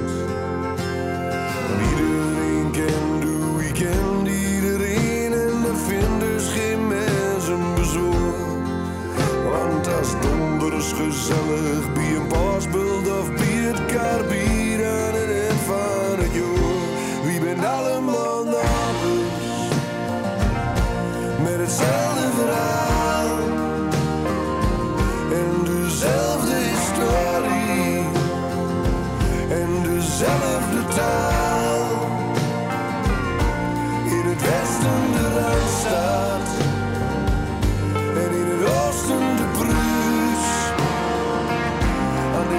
Hey, luister eens, we zitten hier natuurlijk ook. Uh, omdat jij wat van doen hebt met, met, met, uh, met de jasjes. Is het zo? Ja, nou ja, dat werd mij gezegd oh. in ieder geval. Ja, Olaf zegt, ga nou eens een keer met mijn broer praten, want dan heeft, krijgt hij ook een beetje aandacht. Dus vandaar dat ik maar, maar heb opgeofferd. Maar um, de vorige reunie, dat was in uh, 2017. Ja. Die was, werd voorafgegaan door de reunie van 2012. In 2012 waren er jasjes. Ja, was dat... een vraag van de Commandostichting. Ja. Uh, dat hebben we, ze hadden, ze wouden eigenlijk um, een, een, een eenheid van tenue hebben. Um, ik, zat, ik zit natuurlijk bij de Commando Business Club. En uh, die bemoeide zich toen door nog die heel actief, tegenwoordig wel, uh, mee. Maar die, die, die vraag kwam natuurlijk ook mij ook te oren. En uh, ja, we willen toch wel een soort eenheid van tenue. Maar waar, waar is die eenheid van tenue voor nodig? Waar, waar, waar, was dat nodig voor? Nou, uh, wat eigenlijk uh, de vraag was, uh, omdat natuurlijk ook vanuit de commandoverenigingen, um, eigenlijk willen ze dat iedereen die op gaat trainen, zeg maar als oud-commando, op een reunie of bijvoorbeeld een eregraf of zoiets, hebben ze wel hun, ehm, eigenlijk hun blazer en een grijze broek aan, bij wijze van spreken. En, uh, maar zijn ook een soort regias nodig. Dus we hebben eigenlijk gezegd, nou weet je wat, dan doen we niet een regias, maar doen we een vliesjasje. Is iets sportiever. Hij moest wel wat langer zijn, dus dat hij wel over de blazer heen kon vallen. Maar hij had oh, al zat ieder... dat daarachter, ja? Ja, dat zat erachter. Oh, ik, ik vond hem al zo lang. Maar Ja. ik denk, omdat ik zelf zo klein ben, daarom was ik ook zo blij dat jij zo klein was. Maar eh, zat dat... Oh, dat wist ja, ik ja, ja, helemaal dat was, niet. eh, dat Oh, was een vraag. grappig. Ja, dat was een vraag. En eh, nou, dat is eigenlijk het eerste jasje zo ontstaan. Toen de tweede jas hebben we natuurlijk vanuit de commandovereniging. Dat is natuurlijk een hele eh, ehm, eh, eh, grote activiteit van gekomen natuurlijk. Ehm, we hebben het tweede jasje natuurlijk, het is allemaal volledig tegen kostprijs gegaan. Zelfs onder de kostprijs, ehm, moet ik eerlijk zeggen. Maar dat vind ik ook prima. Ik vind eh, dat eh, bij de boys eh, van het KCT moet je geen geld willen verdienen. Eh, Nou, sterker nog, jullie hebben erop toegelegd. Toegelegd wil Ja, zeggen dat was een gedeelte. wel gesponsord hebben. Ja, we hebben echt een gedeelte Ja. sponsor. Dat was best wel een aanzienlijk deel. Maar dat is ook prima. Dat vind ik ook, eh, vind ik ook, eh, vind ik ook goed. En, eh, en zeker voor, voor het KCT moet je dat gewoon doen. Ja. Ik bedoel, je hebt natuurlijk uiteindelijk toch veel, veel geleerd. bij, bij de boys ook was maar anderhalf jaar. En ja, dus... Oké, maar wat het verschil tussen het eerste en het tweede jasje, kan je dat even duiden? Eerst een verschil tussen het eerste en het tweede jasje, andere fabrikant. Nee, ander logo. In principe was het fabrikant. ja, andere fabrikant. Nee, het mooie was natuurlijk wel... Andere fabriek waar je het hebt laten maken. Andere fabriek waar ik Oh, aan- oké. ja, mooi is het natuurlijk, want dan kom ik natuurlijk naar China. Dan ga ik natuurlijk echt zo'n eh, fabrikant natuurlijk echt het, eh, niet letterlijk, maar wel figuurlijk het commandomes op zijn keel. En zeg, eh, ik heb nou een club en nou moet je echt uh, scheidprijzen leveren. En de topkwaliteit. Dus eh, nee, we hebben, het tweede jas was natuurlijk een eh, iets ander logo heeft erop gezeten. Eh, wat min of meer hetzelfde jasje. Ehm, eh, en, nou, qua, ik heb er geen verstand van, maar het was wel, als het vlies allebei vlies is, was het eerste anders dan de tweede. Ja, klopt. Het eerste was wat dunner, was weet ik van wat, als je dat ging wassen, dan kon je er op een gegeven moment doorheen kijken. Ben je zo scherp ogen, joh? Ja, de nee, en nee, andere die is wat, wat nogmaals, ik geen verstand, maar wat wolliger of Ja. zo. Wat, wat, wat meer Ja. weersbestendiger of zo. Ja. Toch?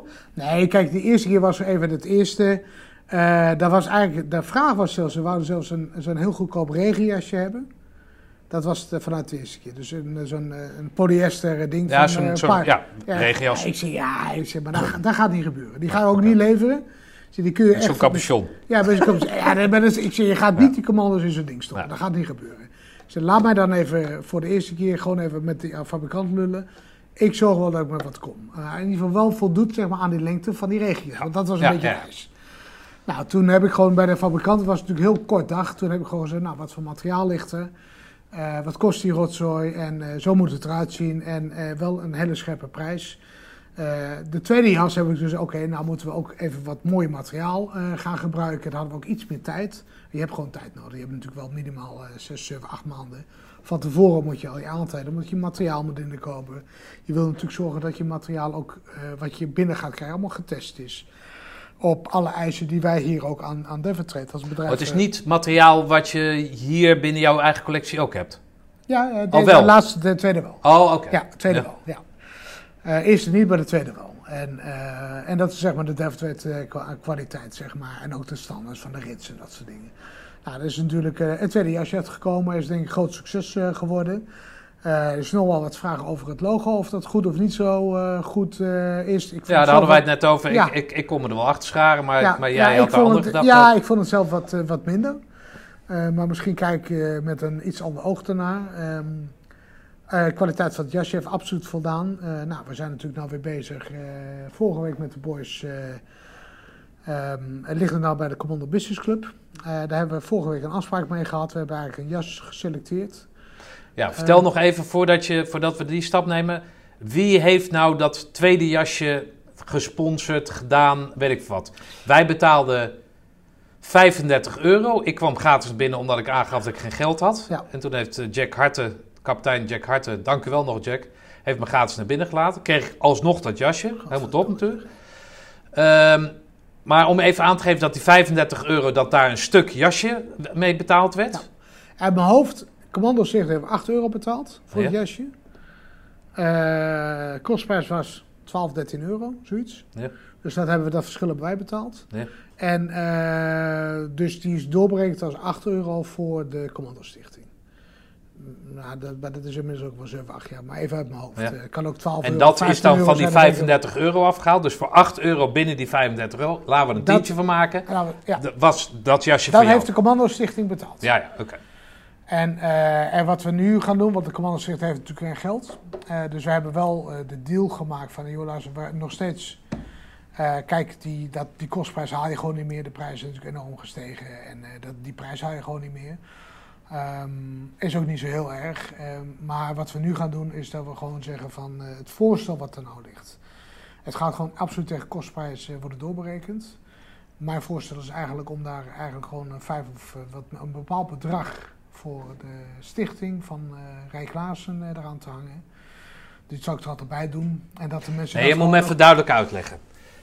Want jij lult nu als, als, als een koopman, dat snap ik. En niet dat ik wil dat, die, dat oud-commanders nou precies weten wat ze krijgen en, en wat en weet ik. Maar hoeveel kost nou zo'n jasje? Inkoop. Jij laat het maken in China. Ja. Dat jasje komt voor hoeveel geld naar hier? Dat zal eh, rond eh twee tientjes liggen. Ja, dus voor twee tientjes kan je dat jasje kopen. Daar komt dan bovenop een bijdrage om het. Nou ja. Ja. hè, en, en waar dat dan heen gaat, dat maakt voor dit moment even niet uit. Dus dat jasje komt, bij wijze van spreken, voor 25 euro kan dat gekocht worden. Ja, voor die 20 euro is de maakkosten, alles wat er wat dat jas kost, alles, alles gemaakt. zit in die 20 euro. Ja. En de extra 5 euro gaat niet naar jullie, maar die doneren jullie en de Business Club. Hè? Dat is toch een gezamenlijk project? Ja. Jij maakt onderdeel uit van die Business Club. Ja. Business Club heeft jou gevraagd om de jasjes Ja. nou, vorm te geven, weet ik veel, dat proces te begeleiden. Die 5 euro die die commando, eh, oud-commando betaalt, die gaat naar de stichting eh, Ja, ja, ja, ja, Commando en Family, Family. Foundation. Juist, Ja. heel goed. Ja, heel goed. Dus zo gaat het jasje prijstechnisch in elkaar zitten. Oké, Dus daar houden jullie geen cent aan over? Nee. Oké. Nou, dat is een mooie verhaal toch? En eh, wat we even. eh, we nog, het, is- dat is het eerste voorstel wat er nou ligt. Ja. Ehm, en eh, er zal binnenkort eh, vanuit de Commando Business Club zal, eh, de- dat bekend worden gemaakt naar buiten, zeg maar. Wanneer zij dat gaan doen, dat, dat is hun taak. Want er zit natuurlijk ook weer een planning voor hun Ja. aan. Ze kunnen natuurlijk ook eh, hebben hun eigen planning. En dan kunnen mensen hem eigenlijk voorbestellen. eh, voor dat bedrag. En wat wij ook nog over gehad hebben, is om eventueel een eh, huidige voorraad mee te nemen. En hem daar eventueel op de reunie zelfs te laten bedrukken met het logo. Dus stel nou dat jij je kunt bestellen van tevoren, dan kost je even 25 euro. En dan krijg je hem geleverd bij je reunie. Dan krijg je een zakje van, eh, alsjeblieft, eh, Stefan, hier, je hebt... Corporaal, zeg maar. Ja. Stefan, alsjeblieft. Ja, dankjewel. Eh, alsjeblieft, 25 euro alsjeblieft. Ja. Dat heb je van tevoren betaald. Ja. Hebben mensen dat niet gedaan, willen we alsnog de service bieden dat we daar eventueel een drukapparaat staan. En dat we eventueel nog steeds, dat we even een paar honderd van de jassen meenemen hier uit voorraad. En even die reunie badge erop drukken, zeg maar. Oké, die andere badge was gestikt, toch? De andere was gestikt, ja. Dus Oké. een woven badge, zoals het heet, erop gestikt. En dit zal een, eh, een, een, een druk worden. Wat is daar het verschil tussen? Ja, in principe niet zo heel veel. Nee? Nee, nee, ik vind dat eh, het nieuwe type drukken vind ik zelf wat moderner. Oké. En we ook proberen een iets moderne uitstraling te krijgen. Eh, ik denk het nieuwe logo is ook wel goed, ziet er een stuk beter uit. Ehm, eh, en wat we ook eh, proberen te doen is niet dat het nou enorm troepen van buiten afstraalt. Maar wel een stuk herkenning dat je hey, wat is dat? En eh, de kenners kennen het, die zien het. En de mensen die het niet kennen, zullen, daar geen, zullen het ook niet herkennen, zeg maar. Niet van, hé, daar loopt die Belg uit het, het oerwoud wat we al met die we allemaal zoeken Ja. zijn. Zo'n soort jas Bij wordt ja. Oké. hey, wat, eh, waarom, eh, wa- waarom, waarom doe jij dat? Eén, natuurlijk omdat je in die handel zit, omdat jij die contacten hebt. Ik weet het al meer, Ja, omdat je bij nou de ja. business club zit. Maar Ja. wat zit daar nog meer achter? Ja, in principe niet. eh, liever Huh? voor het korps. Oké. Ja, that's it. En eh, leuk om te doen. Leuk om te netwerken. eh, fijn om het korps te kunnen steden alsnog. Eh, kijk, en je probeert wat te doen. En als je dat vanuit je handel dat je de mogelijkheden hebt om dit Ja. soort dingen te doen. Ja, en ik bied dat graag aan. En als ze erop ingaan, is dat natuurlijk hartstikke fijn. Dan vind ik het leuk om te doen. Dus, En jouw broer, die, nou, de vindt het commando-broer ook vindt het ook fantastisch. nee, dat, dat begrijpen ze ook hoor. Want weet ik wel, één keer in de vijf jaar komt een jasje eraan. En dan kost het gewoon geld. Devon Trade. En dan zeggen ze, dat is gewoon een hobby. Geen gezeur. eh, het kost gewoon geld. Oké. Gewoon doen. Nou hadden we het nog, eh, hebben we de, de buitenkant van het jasje, maar jullie de jasjes die eh, eh, onderscheiden zich ook van andere jassen dat ook een binnenkant aan zit. Ja. En daar schijnt ook wat mee aan de hand te zijn. Ja, daar zijn we, dat gaan we... Kijk, die, we hebben afgelopen keer natuurlijk een tekst erin gedaan. Ja, ik weet, niet, ik weet dus niet of mensen daar gewaar van waren. Dat, dat, dat, Nee, maar dat is toch prima. nee, Eh, natuurlijk, maar daarom nee, vraag maar ik je naar kijk, de achterliggende we- gedachten. Nee, we, we zijn natuurlijk continu altijd met, met gedachten bezig. Ja. Eh, met textiel hebben we natuurlijk eh, vier ontwerpers hier eh, lopen. Eh, en eh, je bent natuurlijk, als jij ehm, eh, iets ontwerpt, dan wil je dat natuurlijk vanuit een bepaalde gedachte doen. En onze gedachte is natuurlijk van een commando zie je in principe, ja, als hij geen groene bret op heeft, dan zie je niet dat het een commando is. In- Niet echt, Bij zeg maar. ons wel dan. Bij Ja. ons tweeën dan wel. Ja, bij ons tweeën dan wel. Ja. Ehm, nee, maar eh, dus wij vinden het leuk om juist wat in de binnenkant te zitten. Dus dat het meer voor onszelf grappig. is. Al in plaats van Vinden jullie grappig of vinden de, de, de, Ja, de- vinden, vinden wij het leuk om te doen. Dus als, als handelshuis of als, ja, als Devon zoals Trade? Ja. Ja, ja, oké. Ja. Daar zit een gedachte dus achter. Ja, er zit een gedachte achter. Dus niet te veel aan de verschil aan de buitenkant. De, de, de, de, En wat wordt daar op die binnenkant, wat wil je daar laten zien dan? Ja, nou ja, kijk, we hebben natuurlijk een aantal, eh, de, de vijf waarden natuurlijk, die eh, laten we ter- terugkomen. En daar zijn we nog even in overleg hoe we dat precies gaan invullen. Eh, de Commando Stichting heeft natuurlijk ook weer ehm, eh, contact met de Commando, de KCT, eh, verschillende afdelingen. En dat wordt natuurlijk allemaal ook weer eventjes afgestemd dat dat wel of niet kan en of we dat mee doen. Maar over het algemeen volgens het idee natuurlijk hartstikke leuk. Dus niet te veel schreeuwen aan de buitenkant, juist aan Ja. de binnenkant ingetogen. Een beetje aan de Dus binnenkort zie je allemaal commando's met de omgedraaide jasjes lopen. Precies. Oké. Zou, dat, zou dat kunnen?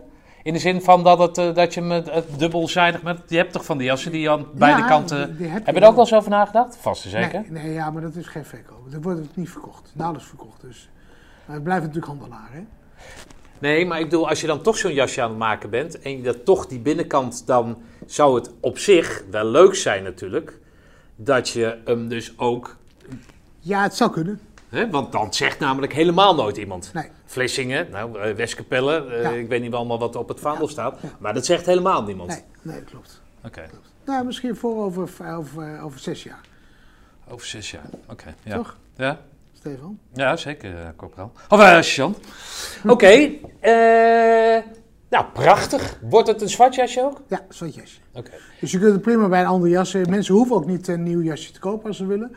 Eh, het, eh, het werd als nadeel gezien dat de kwaliteit zo goed is. Dus eh, ze hebben allemaal nog twee Nou, jasjes het in de enige wat ik had, heb je daar meer klachten over gehad? Is die, die klittenband op de, op de, aan het einde van de mouw, of hoe noem je dat? Ja, op je, op je, Silief, ja, dat die daaraf vliegen. Ja, oh nee, dat heb ik nog niet gehoord. Nee? Oké.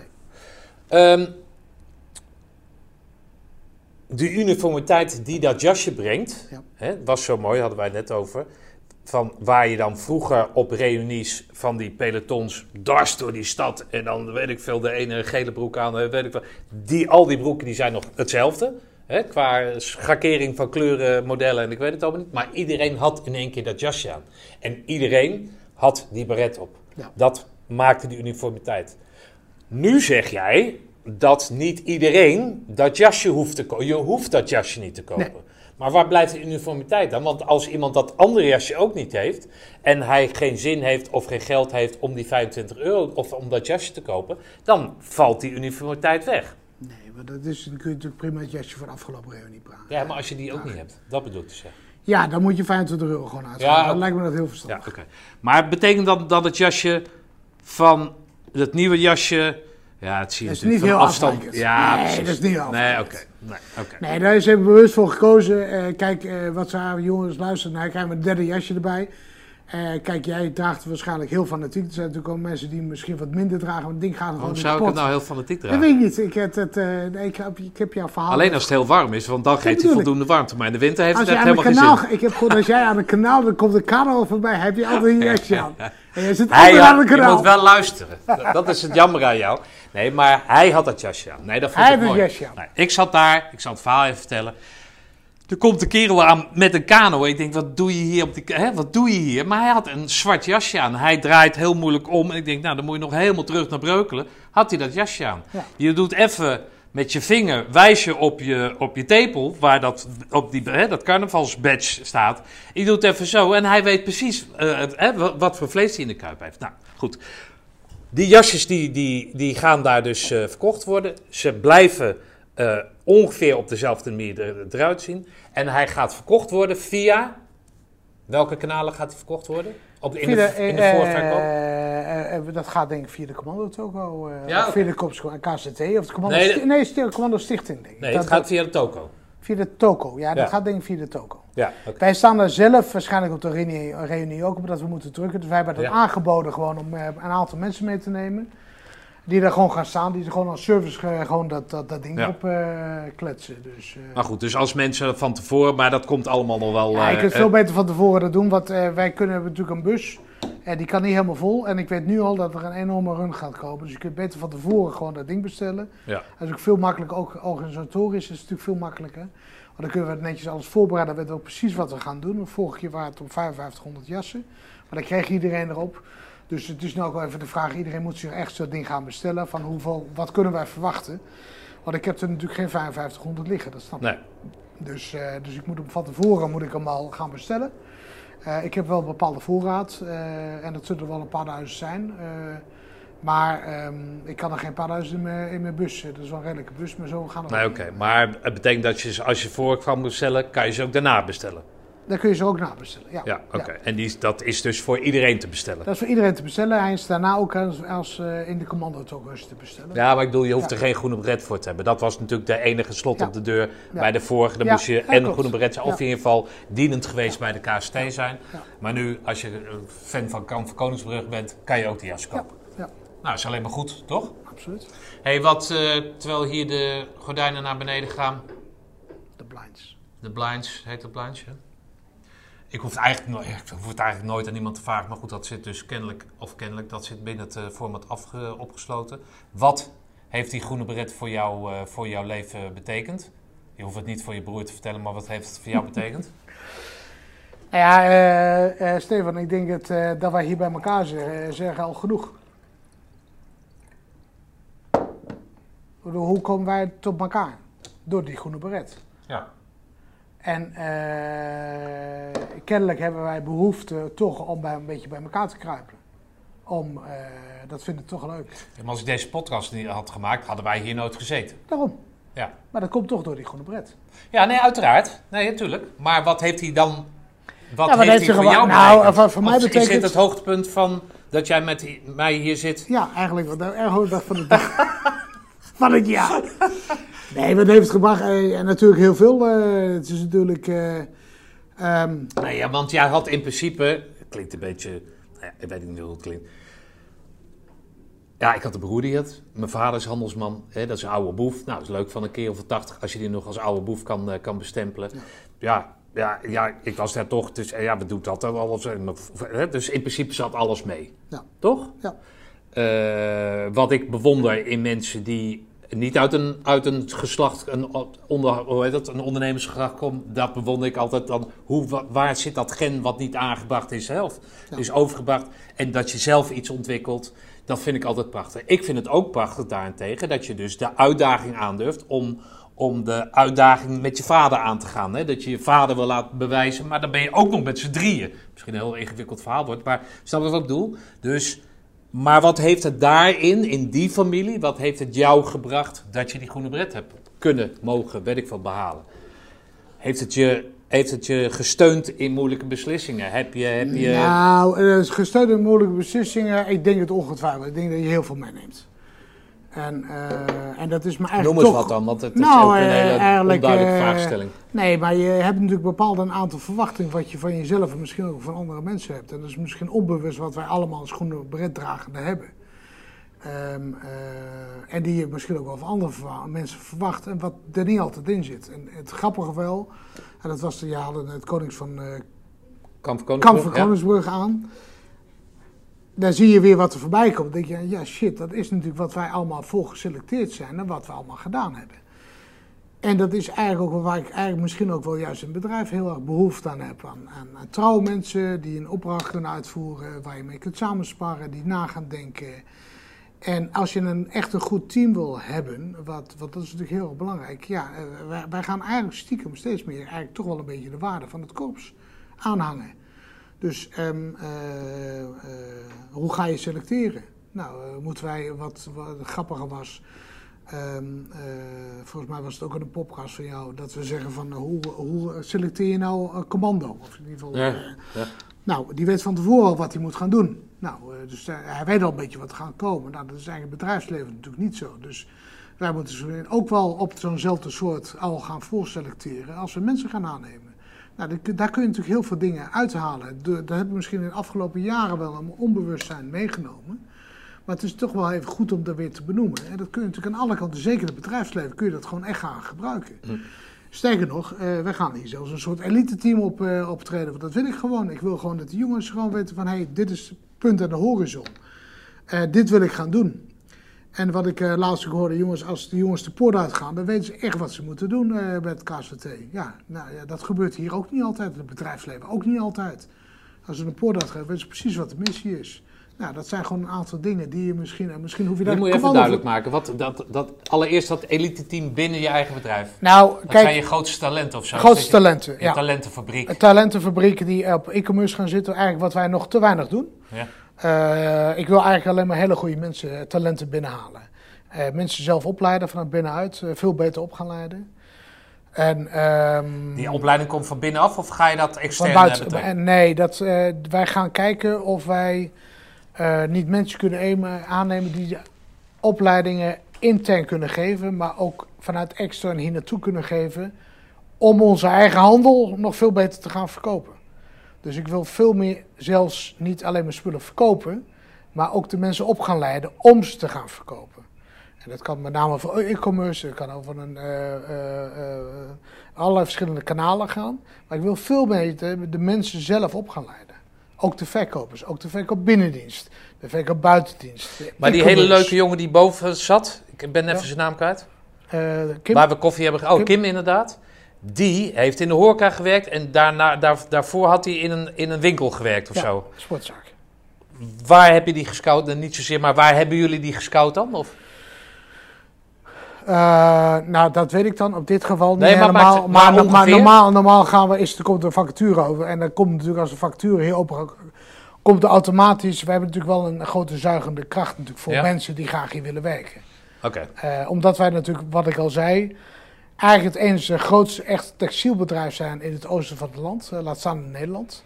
Eh, er zitten natuurlijk heel veel mensen die wel een textielbasis hebben, maar natuurlijk ook veel eh, geneigd zijn om naar Amsterdam en eh, G-Star eh, te gaan of andere eh, eh, fashionmerken. En hier zit er natuurlijk bijna helemaal niks in het oosten van het land. En je ziet ook steeds meer dat een trend. We hebben bijvoorbeeld net een eh, designer van Nike, of eh, net, dit is al twee jaar geleden, een, eh, een fantastische designer overgenomen van Nike. Ja, eh, die wil gewoon, eh, die moest verhuizen van Nike. Ja, dat wil ze niet. Nou, ga maar hier werken. Nou, hij is natuurlijk Ja. een bak met ervaring. Ja, die willen we heel graag bijna halen Ja. natuurlijk. Maar jij zegt opleiden van eigen talenten, dus dan, maar dan moet je dus meer gaan scouten dan alleen een vacature uitzetten. Ja. Dus dan moet je echt, echt een, een soort klas gaan, een, een, een soort diplomatenklasje of zo gaan creëren. Dus als, dit zijn de, de dingen die, die, die we nastreven. Daar zoeken we mensen met die en die, die competenties voor. Ja. Jij kan bij, bij ons werken, je wordt goed betaald. En daarnaast krijg je binnen ons een opleiding, je tekent voor tien jaar en dan heb je hier de, de sky is the limit. Ja, Zoiets. bijvoorbeeld ja, dit. Maar het kan ook zijn dat ik iemand in, eh, uit Joegoslavië haal. En dan zeg je, jij gaat gewoon intern een, een cursus volgen. En je gaat gewoon voor mij in Joegoslavië aan het werken. Ja, ja, in, in Ja, maar Oostenrijk. dat het wel allemaal echt- hier gebeurt. Allemaal hier, vanuit hier gaat het gebeuren. Dus echt, eh, we gaan echt Europees eh, gaan we het uit, eh, eh, eh, uitspreiden. Gaan we onszelf uitspreiden. En eh, nee, maar dat zijn gewoon mensen die we zoeken, die gewoon onze handel willen verkopen via eigenlijk allerlei verschillende kanalen. Dus zeg maar de traditionele haal van fabrikant of eh, fabrikant, importeur. kijken, waar heb jij nou je microfoon zitten? Ja, ja ga door, ga door, ga door. Ja. Ja, ja, hij gaat hallo, hallo, hallo. Ja. Eh, nee, maar dus, eh, nee, we gaan op veel multi-channel eh, verkoop gaan we zitten. Multichannel betekent meerdere kanalen meerdere waar kanalen, je verkoopt. ja, meerdere kanalen gaan verkopen. En dat, daar gaan we echt heel duidelijk op inzetten. En, en daar ligt ook de toekomst. Ehm, en wat ik al zei, we zijn eigenlijk, eigenlijk wel een luis in de pels als bedrijf. Zijn. We hebben een relatief klein bedrijf, vergeleken zeker met Nike en Adidas. Maar je hebt bijvoorbeeld in eh, Duitsland een paar hele grote jongens zitten die ook familiebedrijven zijn, ook financieel ook heel krachtig, net zoals wij. Ehm, en dat zijn gewoon hele goede bedrijven. Dus ja, je zit wel te kijken van hoe kun je die dan eh, natuurlijk verslaan. Want zo simpel is het natuurlijk. Ja. En eh, ja, en daar zijn we natuurlijk als Nederlanders, we zijn natuurlijk wat rebelliger, we zijn wat, wat, wat modisch ingesteld. We zijn natuurlijk gewoon veel sneller, we communiceren veel sneller. En, en, en, ehm, en ja, dat is zeker als een land in Duitsland is natuurlijk gewoon, eh, kunnen we er best wel eh, nog een hoop eh, behalen. Ja. Hey, jouw vader zei op zijn 50ste, nee, op zijn 47ste, ik ga op mijn 50ste stoppen. Ja. Hij stopte op een gegeven moment toen hij 55 was. Jij ziet eruit alsof je 55 bent. Jij hebt, ik vertel het verhaal van die rog, maar dat- dat ga ik weer van de hak op de tak. Maar wij lopen uit die, uit die, eh, hoe heet dat, die, die, die, die, die, die, die hallen hè, met jullie voorraad. Ja. En ik vraag wanneer, hè, je kan net zoals die rog, van, dit, van dat, waar we dat broodje hebben gegeten, kan je ook de zaak verkopen. Ja. Ja, want jullie zijn er met z'n drie. De jongste is 52, eh, Olaf is 57, commando 1, maar hij is wel 57. Waarom ga je... 55, 55, ik ben 53. Oh, Heb ik dat verkeerd gezegd dan? ja, nee, goed. Nee, ik maakt heb het, nou, het maakt verder niet uit. Maar om aan te geven, waarom blijf je die lat maar elke keer verleggen? Waarom zeg je niet, à la meneer Rog, oké, het is nu genoeg? Nee, ik moet eerlijk zeggen, ik woon natuurlijk eh, zeven jaar nou in Oostenrijk. Ja, waarom, oh ja, dat was ook nog een vraag. Waarom woon je in Oostenrijk? Nou, ten eerste is het natuurlijk prachtig wonen. Eh, ik vind het een fantastisch land. Ja. Ehm, ik was ook wel een klein beetje klaar met Nederland. En we hadden eigenlijk ehm, eh, een algemeen directeur van buitenaf aangenomen. Eh, de eerste, toen hebben wij nog heel fanatiek meegewerkt. Nou, uiteindelijk een directie voeren plus drie broers op de werkvloer. dat dat gaat natuurlijk niet goed. Toen hebben we eigenlijk besloten van, nou, we gaan een tweede algemeen directeur aannemen. Dan gaat de jongste broer als algemeen eh, directeur, zeg maar, naast hem werken. En wij worden echt commissaris, zeg maar. Maar ja, toen we dat besloten hebben, we gezegd van nou, eh, dat is prima. Maar ik was natuurlijk vreselijk fanatiek hier aan het werk. Ja, en toen, er nog bij? ja, ja eh, eh, en toen hebben we eigenlijk tegen elkaar allemaal gezegd, nou we stoppen ermee. Alleen Martijn, mijn jongste broer, gaat hier nog maar werken. Ja, en dan rijd ik hier langs het pand heen. En dan denk ik, ja, ik mag in principe niet naar binnen. Dus, eh, dus vandaar eh, zo gezegd, zo gedaan. Ik was geloof ik een paar maanden later naar uh, Kidsbiel toe. Dat was ik sowieso regelmatig. En toen hadden vrouw en ik erover van, ja, wat gaan we nou doen? Dus ja, waarom gaan we niet gewoon een jaar in het buitenland wonen? Dus we waren toen bezig met een heel huis aan het ombouwen. Dus dat konden eigenlijk, eh, moesten nog ongeveer een jaar bouwen. En een goede vriend van mij, die ehm, was bouwpastoor. Dus die wist van de hoed en de rand. Dus we eigenlijk zeiden we, ja, we kunnen eigenlijk best wel een jaar weg. Want hij kan eigenlijk die bouw helemaal overnemen. Nou, zo hebben we het eigenlijk gedaan. En, eh, en we zijn nooit- daar blijven hangen, zeg maar. en, en nooit meer teruggegaan. Oké. Eh, dus met name ook omdat. eh, ja, waar we wonen, daar wordt zoveel geïnvesteerd ook in sport. Ik vind het zo belangrijk voor de kinderen dat ze gewoon veel sporten. Ja. Ehm, ja, de bergen is natuurlijk fantastisch wonen. Het is niet goedkoop, maar het is wel echt fantastisch. Het is een heel ander leven. En eh dat valt heel goed. Dus, eh, Oké. Hey, luister, eens, ik kon nog eh, duizend vragen stellen. Nou, valt wel mee. Maar eh, ben ik wat vergeten te vragen? Wat je heel graag kwijt wil? Wat je, wat je, Nee, ik dat, bedoel, dat bedoel ik niet lullig. Nee, Nee, dat- nee. ik bedoel het niet sarcastisch. Ik bedoel het gewoon echt als groene beret onder elkaar. Als onderofficier onder elkaar. Onder- Ja, ik ben geen onderofficier, maar het zat er dicht tegenaan. nee, Nee, maar- nee, nee, nee, nee, Iets over missie of zo. Nee, maar met, met die lat hoog leggen elke keer, weet je wel. Dat, vind, dat herken ik. Maar ik, ik vraag me wel af, hoe doe je dat dan met z'n drieën?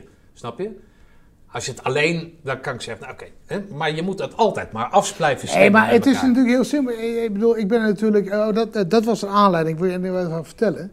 Ik, heb, eh, ik ben naar Oostenrijk toe gegaan. Ik heb eigenlijk drie jaar heel weinig gedaan. Ik heb een paar andere bedrijfjes nog overgenomen. Ski racing. Ik heb een ander bedrijfje opgestart met netwerken tussen Oostenrijk en Nederland. Eh, eh, prachtige mooie eh, eh, eh, activiteiten. We maken opnames voor RTL 4, ski-opnames. Ik ben heel actief in de, in de skiën, zeg maar, ski-racing. Eh, hartstikke leuk. Maar ja, op een gegeven moment is dat niet je dagelijkse werk. En eh, ja, daar ben ik te jong voor. Dus ik wil gewoon echt gewoon, we worden ook weer veel actiever. Gaan eh, Olaf en ik eh, ook weer aan Demonstrate worden. Ja, je ziet gewoon de mogelijkheden. Ja, net als mijn vader, die loopt er nog 80 jaar. Ja, dat zit waarschijnlijk in de genen. Het- Ik bedoel, je blijft gewoon continu ontwikkelen. En om drie jaar weinig te doen, elke dag biefstuk te vreten, ja, dat is ook niet echt leuk. Dus eh, dat houden ook een keer op. Dus ik was eigenlijk toen de eerste keer weer echt ging, ik zat, het, eh, zat te juichen in, mijn- in mijn auto. Ik mag weer wat doen, zeg Ben jij binnen? Ja, nou ja, wat is binnen... Ja, dat geloof van, ja, wat is Nee, binnen? maar Nee, dat- maar heb je genoeg poen op, eh, op de bank om daarmee te stoppen? Ja, een tijdje geleden dus al, kennelijk. Ja, maar dat is En helemaal toen niet... kwam dat is daar nog helemaal- die, die opbrengst van die jasjes erbij. Nee, maar is, dat is helemaal niet... Het is he- Nee, dat zal totaal niet interessant interessant. zijn, maar ik vind dat wel interessant. Daarom vraag Ja. ik het, want anders zou ik het niet vragen. Nee, nee, maar goed, ik laat het even in jouw gedachten over. Nee, maar... eh, laten we het zo zeggen. Nee, maar jij geeft dus al het antwoord. Ik ben te jong om daarmee te stoppen of om niks te doen. Want anders... Het gaat niet om de poen. Het nee, gaat, eh, dat zal, maar als je geen poen hebt, dan is dat een hele relevante vraag, zoals ik hem stel. Nee, maar het is veel te leuk om gewoon bezig te zijn. Om ideeën te ontwikkelen. Mhm. En daar blijf je jong bij.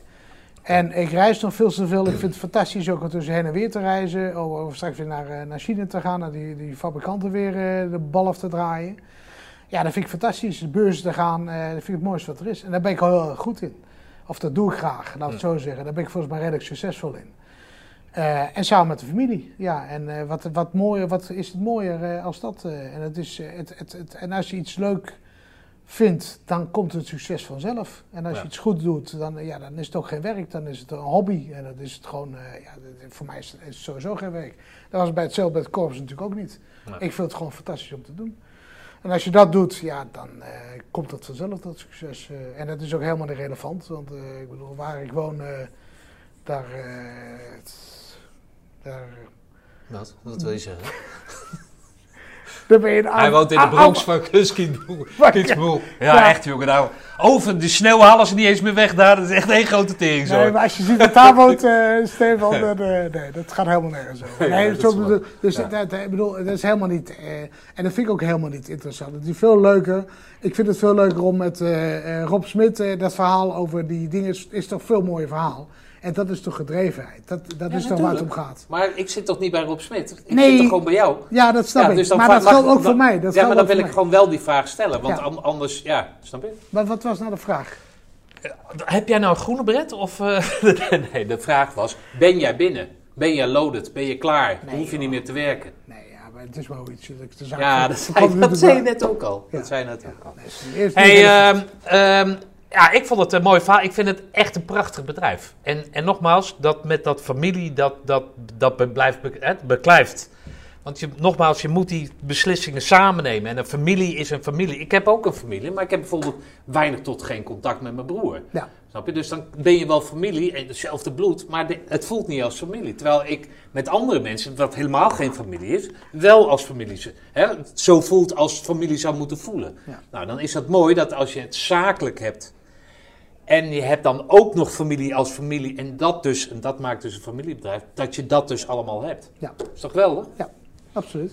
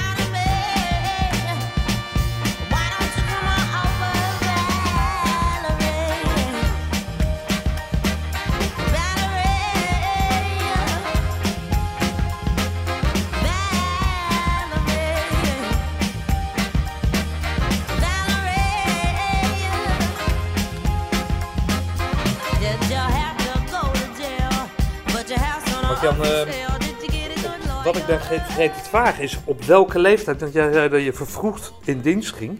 Ja. Over welke leeftijd hebben we het dan? Nee, ik was 17. Toen ging ik, eh, vervroegd had ik het aangevraagd. Dus je komt van die MDS af? Ja. Dus dat eindigt dan dan in mei eh, of zo? Of weet ik veel? Ja, ik ben voor in november opge- opgekomen. Ja, Ik dus- ben volgens mij een paar maanden heb ik in het magazijn bij mijn vader gewerkt. En ehm, nou, wat wel een mooi verhaal is, want ik ben natuurlijk in mijn ECO ben ik 18 geworden op 28 januari. Oké. En eh, wat ik wel apart, wat er wel heel erg mooi bij is, op een gegeven moment was ik natuurlijk druk bezig, eh, s ochtends vroeg eh, mijn put aan het afronden, zeg maar. En er kwam natuurlijk inspectie, dus ik hoor in één keer heel hard schreeuwen, is Pothoven! Ja, ik was uh, Suzanne Siegel. En ik weet niet of hij het zelf nog weet, dus ik moest, ik kwam natuurlijk, je kent het, uh, hardlopend er naartoe, hijgend, uh, helemaal uh, stijf van, uh, van het werken. En ik spring netjes in de houding. En, uh, Ja. Dus... Um, en de Siegel zegt natuurlijk, uh, uh, in Pothoven, ik zie dat jij jarig bent. Uh, ja, Suzanne Major, ik ben inderdaad jarig. Nou, waar ben je gewonnen? 18 jaar. Nou, kijk eens, hier heb je een cadeautje. Wat gaf hij? Gaf hij zo'n heel klein minimasje. Gaf hij maar. Hij zei, maar tegen, pas erop, hè. Delen met je maat, hè. dat vond ik zo mooi. Dus eh, prachtig. Dus ik ben terug naar die vingers. Ja jongens, eh, ik ben jarig. Ik ben 18 jaar geworden. Dat is dus zo mijn 18-jarig geweldig. geschenk. Hé, luister eens. eh, wat ik vergeten ben te vragen is... Nou, ik, ik weet dat je sergeant bent geworden. is op Ja. zich al een hele prestatie. Ik heb naast jou... heb ik nog twee andere mensen geïnterviewd... die hetzelfde hebben behaald als jij. Kan je daar eens wat over vertellen? En dan heb ik het over Ray Klaassens. Ja, Die is bestman geworden. Ja. En Lucas van Nielen. Jij bent dus ook bestman ja geworden. 86, best man. Oké. Dus, eh nee, natuurlijk... Wanneer eh, hoor je dat dan? Wanneer, ja, tuurlijk, als je eenmaal naar voren geroepen Nou ja, eenmaal toen je nou... Zat dat al in de aanloop naar... Wanneer, Nou, je, wanneer ja, ging je echt je best doen? Nou, nou, ik was natuurlijk altijd wel fanatiek, moet ik eerlijk Ja. zeggen. En ik werd natuurlijk al in de ECO natuurlijk al als ploegcommandant af en toe getest, zeg maar. En eh, ik was eh, volgens mij in de strijd... Ik had verwacht dat misschien een, eh, een vriend van mij, Jeroen Hering, zou worden. En Jeroen zei van, nou, jij wordt het waarschijnlijk. En we dachten allebei een beetje. Ehm, ik weet nog wel, toen wij... we hebben natuurlijk een aantal, volgens mij een ochtend zelfs, oefeningen over, over de... de Appelplaats? ah, nee, nee, sorry, de stormbaan gedaan. Oh, ja. Daar was ik wel allerlei verschillende oefeningen moest doen. Daar was ik ook wel, ik moet zeggen, wel redelijk snel in. En ik was natuurlijk bloedfanatiek. Redelijk eh, snel betekent dat je als eerste binnenkwam. Ja, eh, ik had volgens mij zelfs, eh, moest ik naar voren komen, dat ik onofficieel de, de snelste tijd van, eh, van de stormbaan had. Dus wat bedoel je dan? Zit je zo in elkaar dat dan als je dus eerste bent dat je zegt, nou ik was redelijk snel? Je kan dus, je kan dus nog sneller dan of zo. nou, Je hebt je toen ingehouden. Wat nee, is dat, nee, wat is dat dan? Dat, dat ding. Lul je altijd zo? Ik was redelijk snel, ik was eerste. Officieel, ze hebben mijn Ja, naam in de, in, de, in de boom gebeiteld. Nee, dat niet, nee, onofficieel. Dus Oh, dat was onofficieel. niet onofficieel. Ja. Nee, dus eh, ik weet ook niet mijn tijd. Wa- ik moest wel naar voren komen, dus dat vond ik wel, eh, vond ik wel grappig. Ik weet trouwens niet of dat bij die, eh, die, dit laatste, of eh, die week, het was mij de laatste week, was een beetje wie werd er uitgekozen. Nou, uiteindelijk eh, ben ik volgens mij eh, wel redelijk eh meerdere stemmen gekozen als best man. En wat ik ook wel heel leuk vond, moet ik eerlijk zeggen, wat me goed is bijgebleven. Op een gegeven moment kom je natuurlijk binnen. In de peelplaats natuurlijk eh, applaus. Je kennen allemaal de fanfare. En die ouders komen allemaal binnen. Oh, oh, oh, wat hebben ze toch pijn aan de voeten. En ik moest even eruit treden. Wat ik nog wel heel erg leuk, want je had normaal natuurlijk bij de ECO had je altijd, moest je eh, vrijdag als je binnenkomt, ging je douchen. Ja. Dat weet je waarschijnlijk nog Ja, wel. Nou, in het eh, badhuis. en een badhuis. Maar ik mocht niet douchen, want die hele grote douche waren te, waarschijnlijk te, te groot om alleen dat douchen voor mij aan te zetten. Dus ik, heb, ik mocht in een bad zitten. Maar dat was niet een bad, het was bijna een zwembad, zeg maar. Ik denk dat het ding ongeveer een meter diep was, zeg maar. Dus die hadden ze helemaal gevuld met water. En dat is me nog heel goed bijgebleven dat ik bijna moest zwemmen, zeg maar. Waarom in dat bed- Ja, Waarom ik, mocht, ik mocht eerder al gaan douchen. Oh, omdat jij natuurlijk... Oh, je moest Ik oefenen moest- voor die... voor die ja, oké. Ja, ja, oké. man. Ah, zo. En ze zei, als Ja, een ja. klein mannetje, maar het best voor mij, die was nog kleiner. Oh ja? Ja, dat was zo mooi. Oké. Dus eh, ja, dat was zo prachtig. En de, de, de, de, peloton daarop heb ik natuurlijk met, met de service Ja. doorgegeven. En, eh, maar dan zie je er ook wel anders in, moet ik zeggen. Want dan zie je natuurlijk iedereen binnenkomen. Dan zeg je van, van oh, wat hebben ze pijn in de voeten. Ja. Dan sta je er toch weer heel anders Ja, in. Dus, eh, hey, luister eens, we hebben het over, over je broer gehad. ja. Ik ken namelijk nog een kerel die, eh, die zat bij ons in de, in de lichting. Eh, Robin Leverink. Ehm, en die is de oudste. Nou, dat is te vergelijken met Olaf. Ja. En dan hebben die ouders natuurlijk, hè, eh, afhankelijk hoe ze in het leven staan. Maar god jezus, onze oudste zoon is commando geworden. Ja. Zijn broer, ik weet niet hoe goed hoe die, die heet, maar die is twee jaar later of anderhalf jaar later. Die wordt en groene beret en wordt best man. ja. En toen hadden wij allemaal zoiets. Of ik dan, zo, zit ik, zo zielig zit ik nou met elkaar. Jezus, van hoe moet dat wel niet voor die Robin zijn? Ja. Want eerst ben je de held. Ja. En daarna, godverdomme, wordt niet, niet alleen groene bret, maar ook nog best man. Hoe was het eh, voor ja, maar dat heeft mijn broer natuurlijk altijd bij mij, natuurlijk. Hè? Nee, dat kan ik me Nee, voorstellen. nee. Jezus. ja. Sorry Olaf, maar dat... sorry, dat Olaf. Ja, Nee, maar- nee, nee, maar nee, joh, prima. Dat is natuurlijk fantastisch. Iedereen hartstikke trots. En het was misschien ook wel iets meer mijn ding als hij. Ik was natuurlijk ook wel, ik wou, ik wou gewoon echt absoluut dat. En die gedrevenheid. En eh, ik vond het gewoon prachtig. En hij vond het natuurlijk ook prachtig. Nou ja, oké. Hij En is ik- natuurlijk ik- een stuk ouder. Eh, en hij is natuurlijk een stuk ouder. En ook niet, ja, dat klopt. Eh, nee, maar ik vond het gewoon leuk ook om ja, dingen uit te vinden, ook in, die, in de ECO-opleiding. Ik weet nog wel heel goed dat wij op een gegeven moment eh, werd ik meegenomen in, eh, in de over tentenkamp.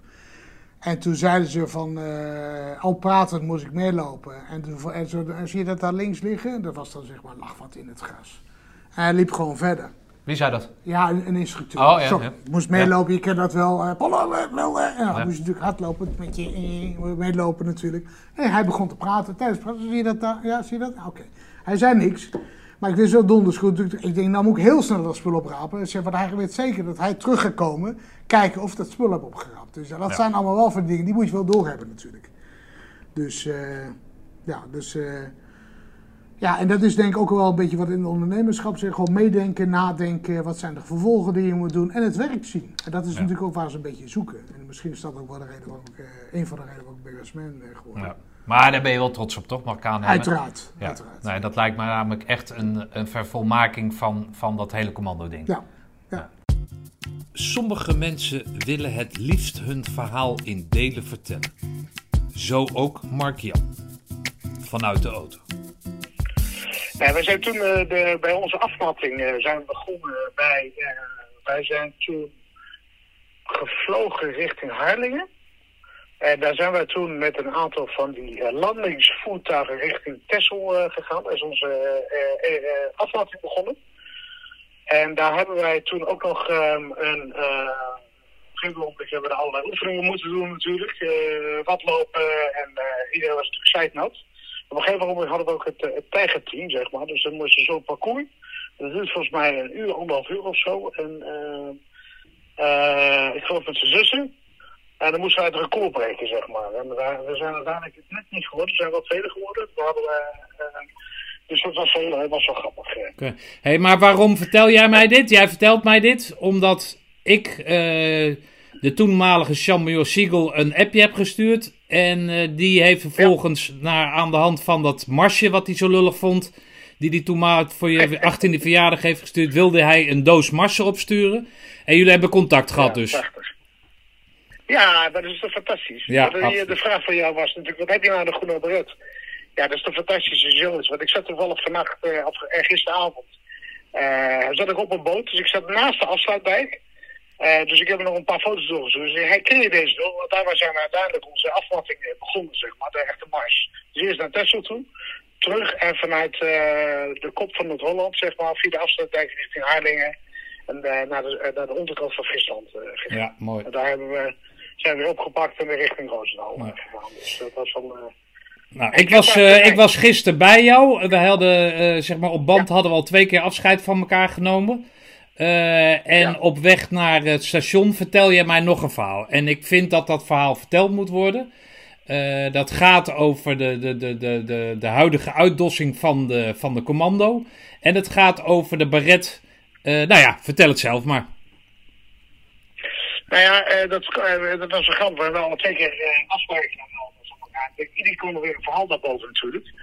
En eh, het, het, het volgende. ehm, eh, wij hebben, en, ehm, ik denk rond 2000 ongeveer, was natuurlijk dat hele issue met die groene beret. Eh er kwam natuurlijk een nieuw tenue voor KL. En iedereen kreeg een groene beret. Eh, ja, daar waren natuurlijk ik niet alleen, maar mijn broer en nog meerdere uh, oud-commanders volledig bij oneens. Als, Dus, eh, eh, sorry dat ik je onderbreek, maar dat was als vervanging voor de Blanco beretten.